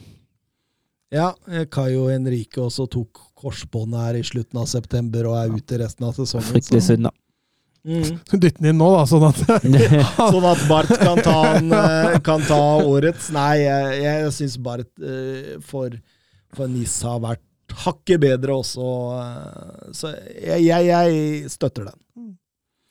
Eh, Mats, da kommer vi til stoppere, og her er det jo litt å ta. Ja, litt å velge mellom òg, med tanke på også PSG-stoppere har vært litt sånn ymse. Eh, Lucas Hernandez og, Markinios og Danilo er vel ikke i nærheten, eh, egentlig. Altså, for all del vært bra, men har litt sånn lagt den, eh, lagt den litt eh, på hylla. Men Men Todibo syns jeg skal inn her. Han eh, har spilt seg inn på det franske landslaget med, med gode prestasjoner både i fjor og, og i år. Eh, Begynner å nærme seg. Du har en Maripan i Monaco som, som har fått en litt ny vår der. Begynte jo allerede i fjor. Eh, Facundo Medina i, i Lance har vært eh, bra. Men eh, Diakité får den andre, andreplassen. Mm. Todibo der som Man begynner å se hva Barcelona har henta nå. Mm. Men jeg tror han begynner å få litt orden på huet sitt. Ja. Jeg tror det var litt det som var feilen når han var i Barca, at det blei for utålmodig. og Ja, for det minner meg jo litt Hvis du kan si det sånn Det Saliba var for Marseille, mm. det virker eh, Todibo å være for NIS, Mm. og, og det er jo et positivt tegn. Og så må vi selvfølgelig ta med, og jeg er helt enig, Mats, eh, Diakate i, i, i Lill, eh, kanskje det neste store, store salgsobjektet av stoppere ut fra Ligue Ø. For en sesong han har hatt eh, for Lill der. Eh, ung, atletisk eh, Fysisk. Ja, ser, ser meget, meget bra ut, dette her. Altså litt sånn Ja. Litt sånn eh, ja, typisk eh, den franske skole av stoppere som, eh, som kommer opp. Så jeg veit ikke, Dupker, har du noe imot dette? Nei, absolutt ikke. Det treffer godt, det. Mm. Eh, høyre kant, den syns jeg var vanskelig. Den var grisevanskelig. Og det var ikke fordi det var så fryktelig mange gode å velge mellom. Nei, Det var litt sånn slim pickings. Ja, det, det er liksom litt sånn Hvem skal man velge her? For det, det er liksom ikke så veldig mange her som sto frem. Ja, altså Dembélé på navn, men han har jo ikke vært all verden. Har jo selvfølgelig et høyt toppnivå, men har jo ikke fått spille alt. Nei, å forvente litt mer, Ja, ja, faktisk. ja. Eh, mitt valg da, fant, eh, falt på Edon eh, Sjegrova i, i Lill. Eh, han har vel mest assist, så vidt jeg husker, i ligaen der, og har vært veldig god ut høyre for Lill. Veldig sånn eh, Veldig eh, energisk, eh, veldig eh, skapende Mm. eh, for laget sitt, så eh, Ja, men Han har flest assist òg, i, Ja, i ja, da, jeg sa vel det, tror jeg. Og sa du det, ja? Ja. Ok. Så, så jeg, jeg, jeg tenker han får den for min del. Støttes. Ja, han hadde jeg òg. Mm. Eh, venstrekant, eh, Dupker. Ja, når vi flytta Kylian Mbappé opp, som vi gjør Igjen, en, enda en, venstre, enda en venstrekant som uh, Begynner å se et mønster. Ja, Uh, så, så, så står mellom to for meg, da. Uh, danske Mohammed Darami i Stad Rem. eh, kommet fra, fra Ajax. har vært god. Eh, Jeg syns han har framstått, eh, framstått bra, men eh, hvis det går på, på sånn jevnlig prestasjon, da, så har jeg heller lyst å dytte Alexandre Golovin i Monaco ut på kant. Han, han kan jo spille kant òg, og brukes jo til tider også som kantspiller, men er jo mest kjent for den sentrale offensive rollen i Monaco. Eh, jeg syns han, han har vært strålende og, og prestert jevnt og trutt, og kan fint brukes som en venstrekant der. Løpsmaskin.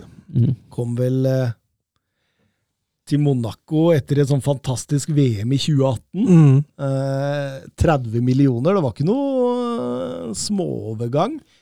Blei lenge betegnet som en stor flopp. Men eh, nå de siste par sesongene så har man begynt å se hva som bor inn, og, og denne sesongen her, sju målpoeng.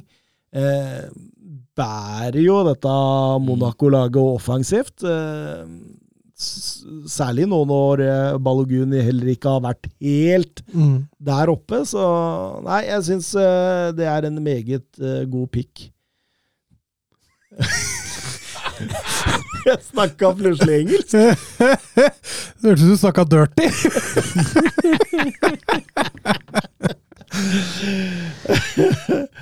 Eh, de sentrale mm, Mats Granvold. Ja, det er en jeg mener vi skal klinke med en gang, og det, det er Ugarte. Han har vært eh, har gått inn og tatt den, eh, den sekserrollen i Bayern, nei, Bayern sier jeg, i, i PSG med, med en stor selvfølgelighet, og, og lettere for Luis Henrique å bygge entertainere rundt han, for han, han gjør både grovjobben og han er en god playmaker. og Kanskje arvtakeren til Rodri i eh, det som kan betegnes som den beste sekseren i, i verden. Jeg mener han er klink. Når det gjelder ved siden av han, så er det Så hun for eksempel Får så for Uruguay mot Argentina nå? Uh, nei, den kampen den gikk midt på natta. Jeg Ja, men han uh, Han har en argentinsk Rodrigo de Paul. Mm. Han eh, Å ja, fordi han slang med leppa, ja! Ja, Ja, det så jeg. Sa til eh, Rodrigo de Paul at du er jo bare kukksugeren til Messi, og så Mm. gjorde han sånn at den foran lagde det bråket. Men det er litt Ugarte, ikke sant? Mm. Han spiller på alle knep. Han er ekstremt mm, Altså, det, det er så mye trøkk i spillet hans. Det er så mye passion, det er så mye lidenskap. Det kan koke over, sånn som det gjør for nesten alle uruguayanere. Altså, det, Jeg skulle til å si typisk uruguayansk. men, men jeg er helt enig med deg, Mats. Eh, jeg- Det er, det er den sekseren jeg ser nå som på en måte er den neste toppsekseren i, i Europa. Jeg, nei, det er strålende. Og, og, og PSG med og uten Urgarta har vært to helt forskjellige lag. Da, altså. Ja, han er litt hjerte. Litt sånn Rodry City, som jeg var inne på. Han, han virker veldig viktig. Eh, ved siden av han, litt mer åpent, eh, du har en Zaire Emery, som er gjerne makkeren hans i PSG, som har starta sesongen meget bra. Fikk dessverre en kinkig skade eh, nå i, i, i, nedsablinga av Gibraltar, som jeg tror ikke visste om den var på eller utafor banen når kampen ble blåst av der. Eh, fikk ordentlig grisebank, men eh, Emery fikk dessverre en en kjip skade der, eh, men har vært eh, veldig bra. Eh, Fofana i Monaco har også spilt seg inn på det franske landslaget. Bør også nevnes Benjamin André i, i, i Lille. Men jeg veit ikke om vi kommer utenom Teddy Toema i Reim, altså. En Ja, en litt uh, inn fra sida der. Ja, en, eh, spiller. ja, det, er, det er ikke ofte vi har. Uh, jeg syns også vi skal nevne Marshall Monetzi, som har vært uh, innom nå. Men uh, jeg er enig med deg at Teddy Toima, med tanke på det han har levert uh, Også når vi snakker målpoeng, eh, så bør han med. Will Still bygger, ass. Han finner gull. Mm, På Malta, faktisk. Jeg tror ikke han kom fra Malta. Hvor er han kom fra igjen? Ah, jeg er helt glemt. Em, angrep. Ja, Dytta vi Mbappé opp, så den er vel grei. Ja, og, og, og det gjør vi jo fordi mange av de beste i ligaen av en såkalte Nira har jo ikke kommet helt i gang. Nei, det har vært litt skuffende. Altså, Mats har vært innom logoen men hans lagkamerat uh, Ben Yedda, uh, Elivahi, uh, Jonathan David altså, Det er mange da som man uh, Moani. Ja, som man kunne gjerne ha forventa litt mer av. Uh, Liga er jo en liga med mange spennende unge spisser. Um, og det, det kommer sikkert til å, til å bli bedre, men heldigvis da, så har det kommet én fra Lillestrøm til, eh, til Montpellier, uh, som kan fint ta plass ved siden av Mbappa Aker Adams. Altså, når han først presterer, altså når han først scorer, så scorer han jo gjerne to år. eh, to eller tre. Men, uh, og han skårer ikke i alle kampene heller, men han er jo tross alt på andreplassen i toppskårerrankingen bak Kylian Mbappé. Og jeg, syns han forsvarer en plass på det laget der. ja. Ja, i, i konkurranse med Terem Moffi i så fall, som eh, Han har ikke veldig mye målpenger, han heller. Tre mål, to assist. Men, men er liksom på en måte mye av det angrepet til, til NIS, da. Eh, så, så, så det blir jo en vurdering, men siden vi er alle Aker Adams-fans, så Ja. syns jeg vi skal kjøre han. Ja, her har vi jo anledning, for Ja. årets lag tviler jeg på vi får den inn, hvis vi ikke skal prøve veldig hardt. Nei, Det er nok flere som eh, forhåpentligvis kommer litt på det i gang. Da. Ja. Men eh, nei, altså, de første kampene så syns jeg han eh, er i hvert fall veldig nære. Ja, nei, men vi gjør det. Det er vår podkast. Ja, ferdig. ferdig. Så da blir høstens lag i league Ø. Marcin Bulka i mål, Hakimi og Bart på hver sin bekk. Diakati og eh, Todibo stoppere. Shegrova høyre kant, Golovin venstre kant, Tioma og Ugarte sentrale midtbanespillere, mens Mbappe og Aker Adams er på topp.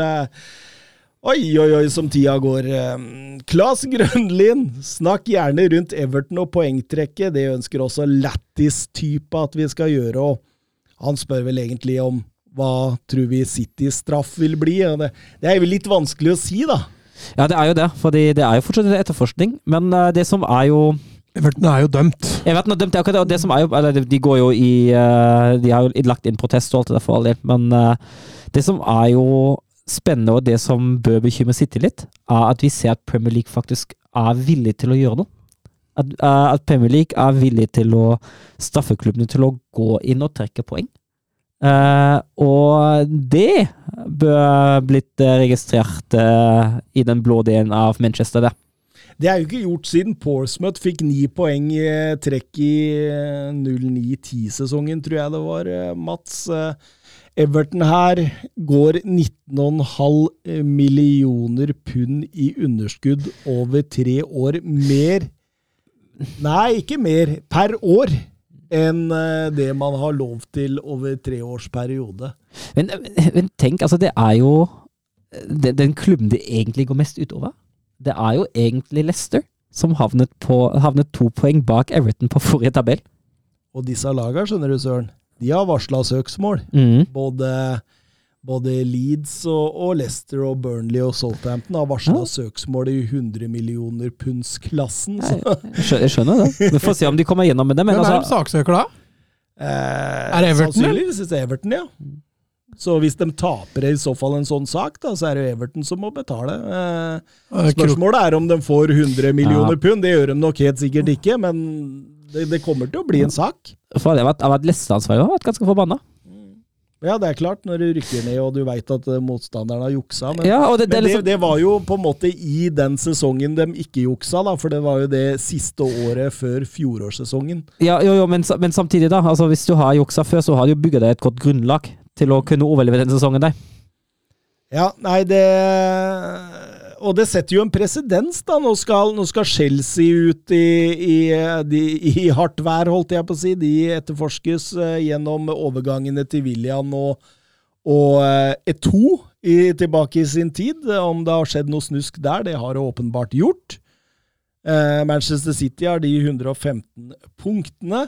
Eh, jeg skrev vel på Twitter at ti poeng for 19,5 millioner pund Jeg ville vært bekymra om jeg var Manchester City. og eh, Selv om den saken er litt mer innvikla, litt tyngre, så er jo er det jo grunn til å være bekymra som Manchester City-supporter. Ja, for all del. Eh, Everton får jo virkelig smake, smake tyngden på, på sitt underskudd her, sånn, og, og parer, par, eh, det er ikke alle punktene City er eh, etterforska for, er ikke så veldig grove, men noen av dem er det.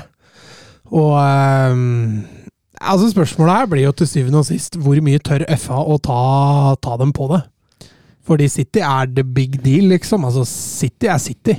Lættis-type driver og snakker om her at, eh, at det personlig tror han det blir en liten bot. Ja, men Det er litt det man kan frykte, da. Men, men de har jo, som du er inne på, da, altså den presidensen de har satt nå med Everton altså, Du kan ikke gå fra ti poeng på Everton til å, at City skal betale en million pund i bot. Nei, det, det går ikke. Det, Det er- henger jo ikke på greip. Nei, det er akkurat det. I hvert fall hvis de, hvis de bruddene er enda grovere enn det Everton er tiltalt for, så må, bør jo straffen også være det. da. Uh, og jeg synes det er bra, altså Vi har jo, vi har jo kritisert UEFA ofte for at de ikke slår ordentlig gjennom på Finance Fair Play. Uh, for å ikke svekke sitt eget produkt. For alle vil jo se de store lagene spiller i Champions League, og hvis UEFA utestenger de fra Champions League, så biter de seg sjøl i, i ræva, da. Um, men Premier, eller FA da, ser jo ut til å, til å ta den kampen nå, da. Og det er fint. altså det er liksom da, da Rangers ble kasta ut i Skottland pga. konkursen. Mm. Det var jo noen stemmer da som mente at man uh, ikke kunne gjøre det pga. Old Firm og, og bla, bla, bla. Jeg syns det er veldig bra at man gjør det. Jeg syns det er fint at det skal være likhet foran loven, uansett hvilken klubb det er snakk om. Mm. Vi må ta oss ti minutter til Eivind Stølen. En trofast lytter, en fotballnavn eh, Nei, fotballmann av eh, dimensjoner. Eh, Følg ham på Twitter. Eivind ST. eh, En god kar. Eh, Mange gode innspill. Eh, Han ønsker at vi minner noen år tilbake.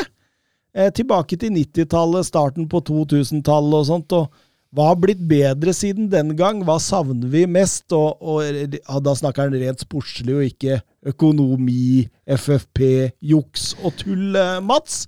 Hva er det du savner fra 90-tallet, tidlig 2000-tallet? Eh, jeg savner klassiske navn. Nå er det mer sånne super-superstjerner. Fantes ikke det, vet du, på, på 90-tallet. Alan Shearer og de gutta der, det var, eh, det var uh, fotballkort. Det må jeg ærlig innrømme. at Det er et, uh, kanskje ikke et savn, men du husker jo tida tilbake, og du hadde permen din, og du samla fotballkort. Det er jo ikke aktuelt å drive nå lenger. Sportslig Altså, Det er ikke så mye man savner, da, for fotballen har blitt så mye bedre. Uh, og jeg føler at ting går litt fortere. Eh, jeg føler at ting er mye mer profesjonalisert. Så det vil da si at ting er mye mer tilrettelagt for at det skal bli bra. da.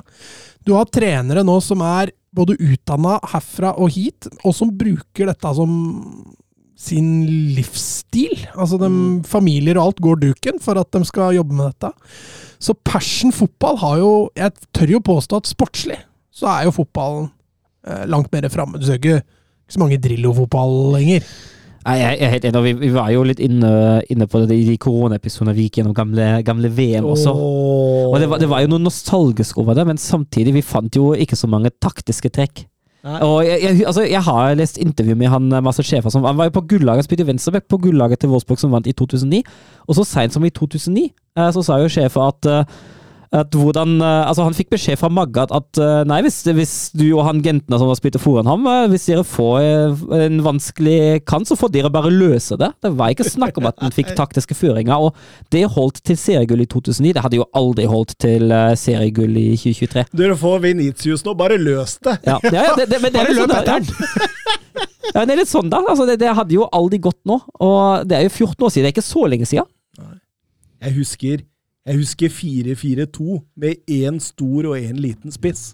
Eh, Michael, Mi- Michael Mifsud og Arild Sundgodt. Ja, Gjerne det. Jeg tenkte mer Hesky Oven. Eh, Ja, det, det husker jeg. altså.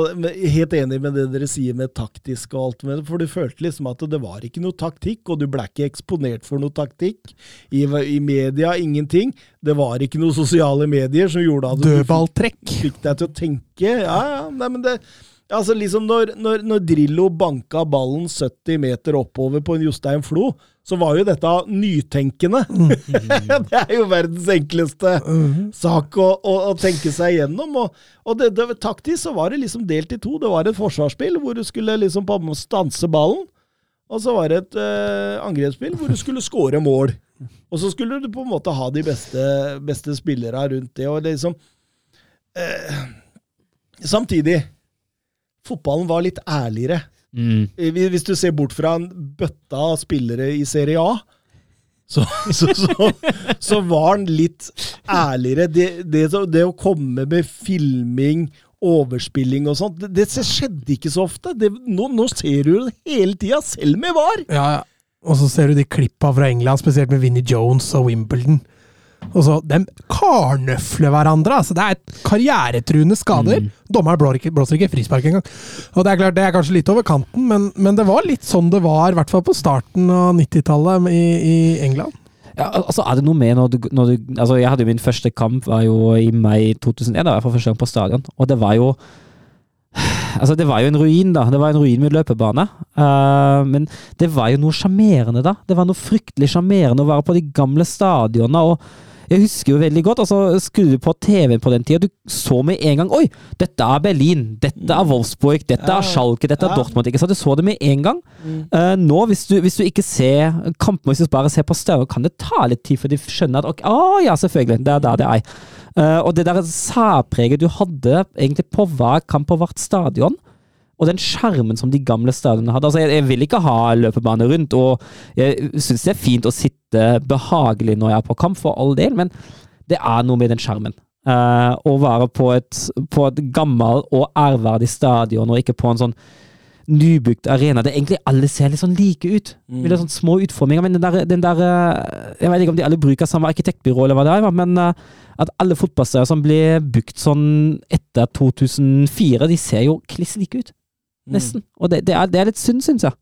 Husker dere femmetere? Hva skjedde alltid med femmetere? Ja, den ble slått langt. Ja. Men øh, fembekslinja fantes ikke. Nei, Det var jo Altså, 4-4-2. Ja, eller 4-3-3. Sonemarkering ja. fantes heller ikke. Nei, Og, og sviperen, hvor er det blitt av Ja, han? Ja. han er vekk. Libroen? Jeg husker, jeg husker Vi har jo snakket, snakket litt om det før, det der klippet der Ragnhild står på sportsstudio i, i Tyskland på seg 90-tallet og forklarer hvordan Hans Ulm eh, spiller soneforsvar. Eh, og Olli Høne sitter og blir pottesur for nei, nei, nei, soneforsvar det skulle vi ikke ha noe av, og, og alt det der. ikke sant? Så Mm. det er Ja, det har, det har endra seg litt, altså.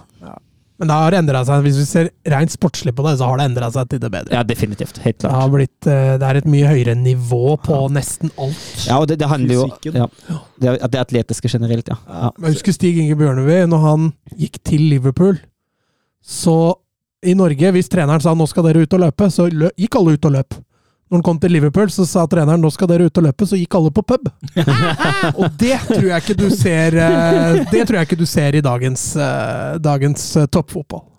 Nei, og det, sånn sett, da, med den fysikken Diego Maradona hadde, jeg, jeg er litt usikker på åssen det hadde gått i dagens fotball. Nei, Altså. nei den, den siste som jeg husker med den fysikken, er jo Ailton i Bundesliga. Han var jo, han var jo god i starten av 2000-tallet. Han uh, skjøt jo Bremen til uh, en dobbeltdrei i, uh, med cup og, og serie, men han ble jo kalt for, for uh, kogeblitz og så uh, lynkule. Lyn, lynkule. Uh, for han, han, var, han var ganske kjapp, men han hadde jo ikke noe fysikk til en fotballspiller, egentlig. Men uh, det fungerte. Men jeg, jeg, tror ikke det hadde fungert 20 år senere heller, nei.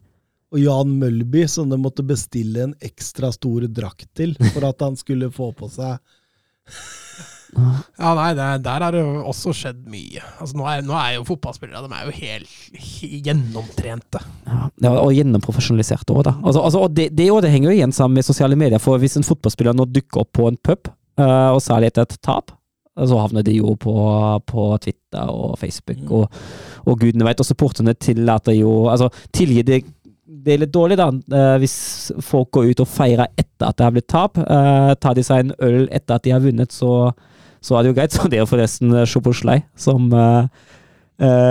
som tok seg en shot etter at de kvalifiserte seg til, til EM nå. Ja, du gjorde det? Ja, deilig. deilig. Jo, én ting som er veldig nostalgisk, det er tekst-TV. Mm. Å følge med ja. på resultatene på tekst-TV. For du hadde ikke på radio engang, du hadde ikke på TV. Du satt og fulgte med resultatet på tekst-TV, så måtte du oppdatere for å få Ja. nye resultater inn. Husker, Husker dere Clones Nei. Hva er det for noe? på tekst-TV?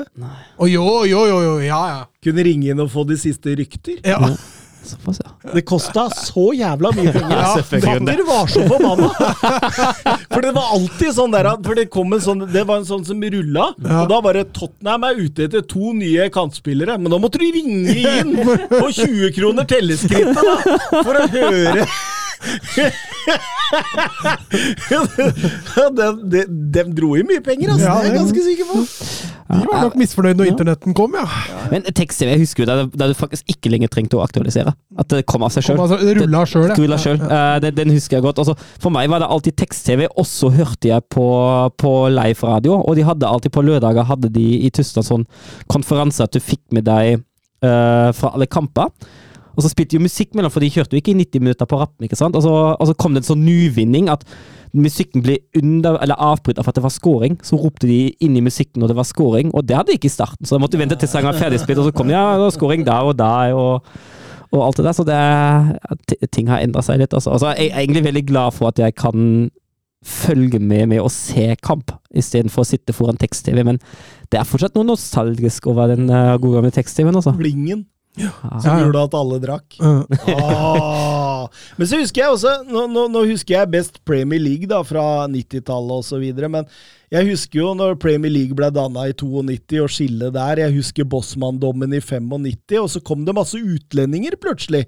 Altså De utlendingene var jo mer, mer altså, I Serie A hadde de drevet ganske lenge med det, husker jeg. Gullit, Basten, eh, Bremer, eh, Andreas Bremer, mener jeg. Mm. Lothar Matheus, eh, Platini, til og med tilbake til 80-tallet der. Mens i Premier League så var det bare noen få, ikke sant. Schmeichel, Cantona, eh, Erik Thorstvedt var jo ganske tidlig på'n der.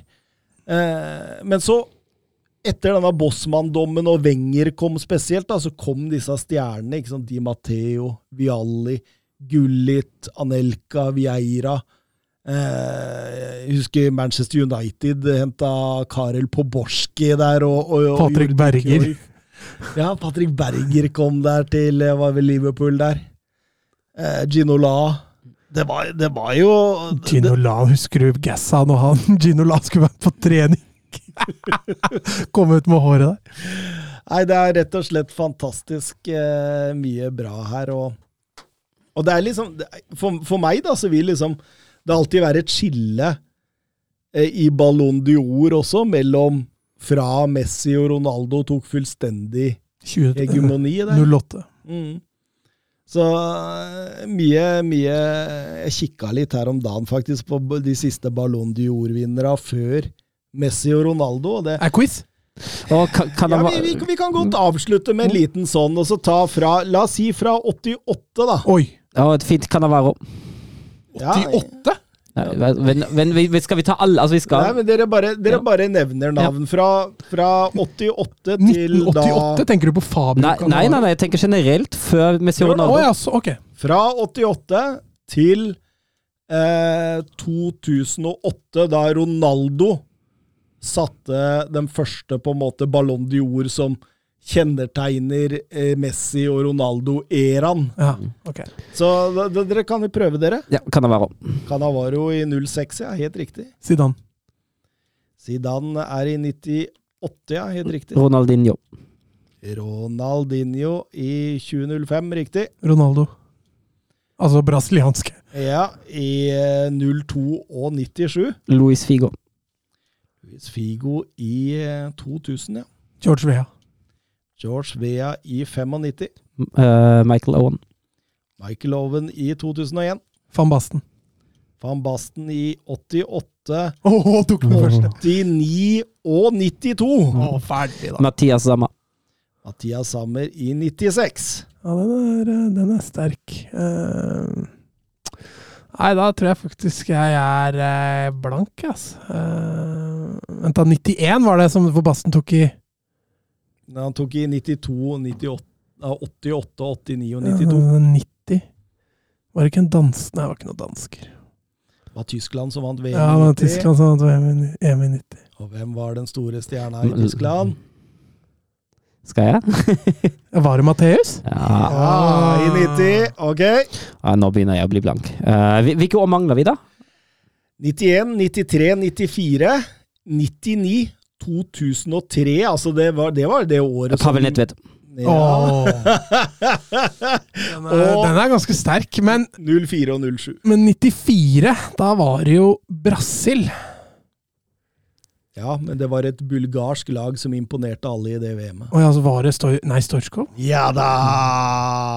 Hvilke manglet vi etter 2003, sa du? Eh, 04 og 07, begge Milan-spillere. Å, Sjevtsjenko. Sjevtsjenko i 04. Og i 07 Brasilianer. Midtbanestrateg. Kaka. Kaka. Da mangler vi tre, så har vi gått gjennom hele. 91, det var jo Marseille sitt fantastiske Champions League-år, og Mm. dermed spissen til Marseille og Frankrike. Åh, oh, åh. oh, oh. ah, Jean-Pierre Pappa. Pappa. I 93, en Juventus-spiller nummer ti, lang eh, rottehale. Roberto Roberto Baggio. Roberto Baggio. Og i 99 Lars Rikken. Nei! Barcelona-spiller Brasilianer. Rivaldo. Rivaldo. Der er dere igjennom. Og til de som ikke fikk opplest eh, spørsmålene sine, vi har passert eh, to og en halv time, så vi sier adjø. adjø. Ha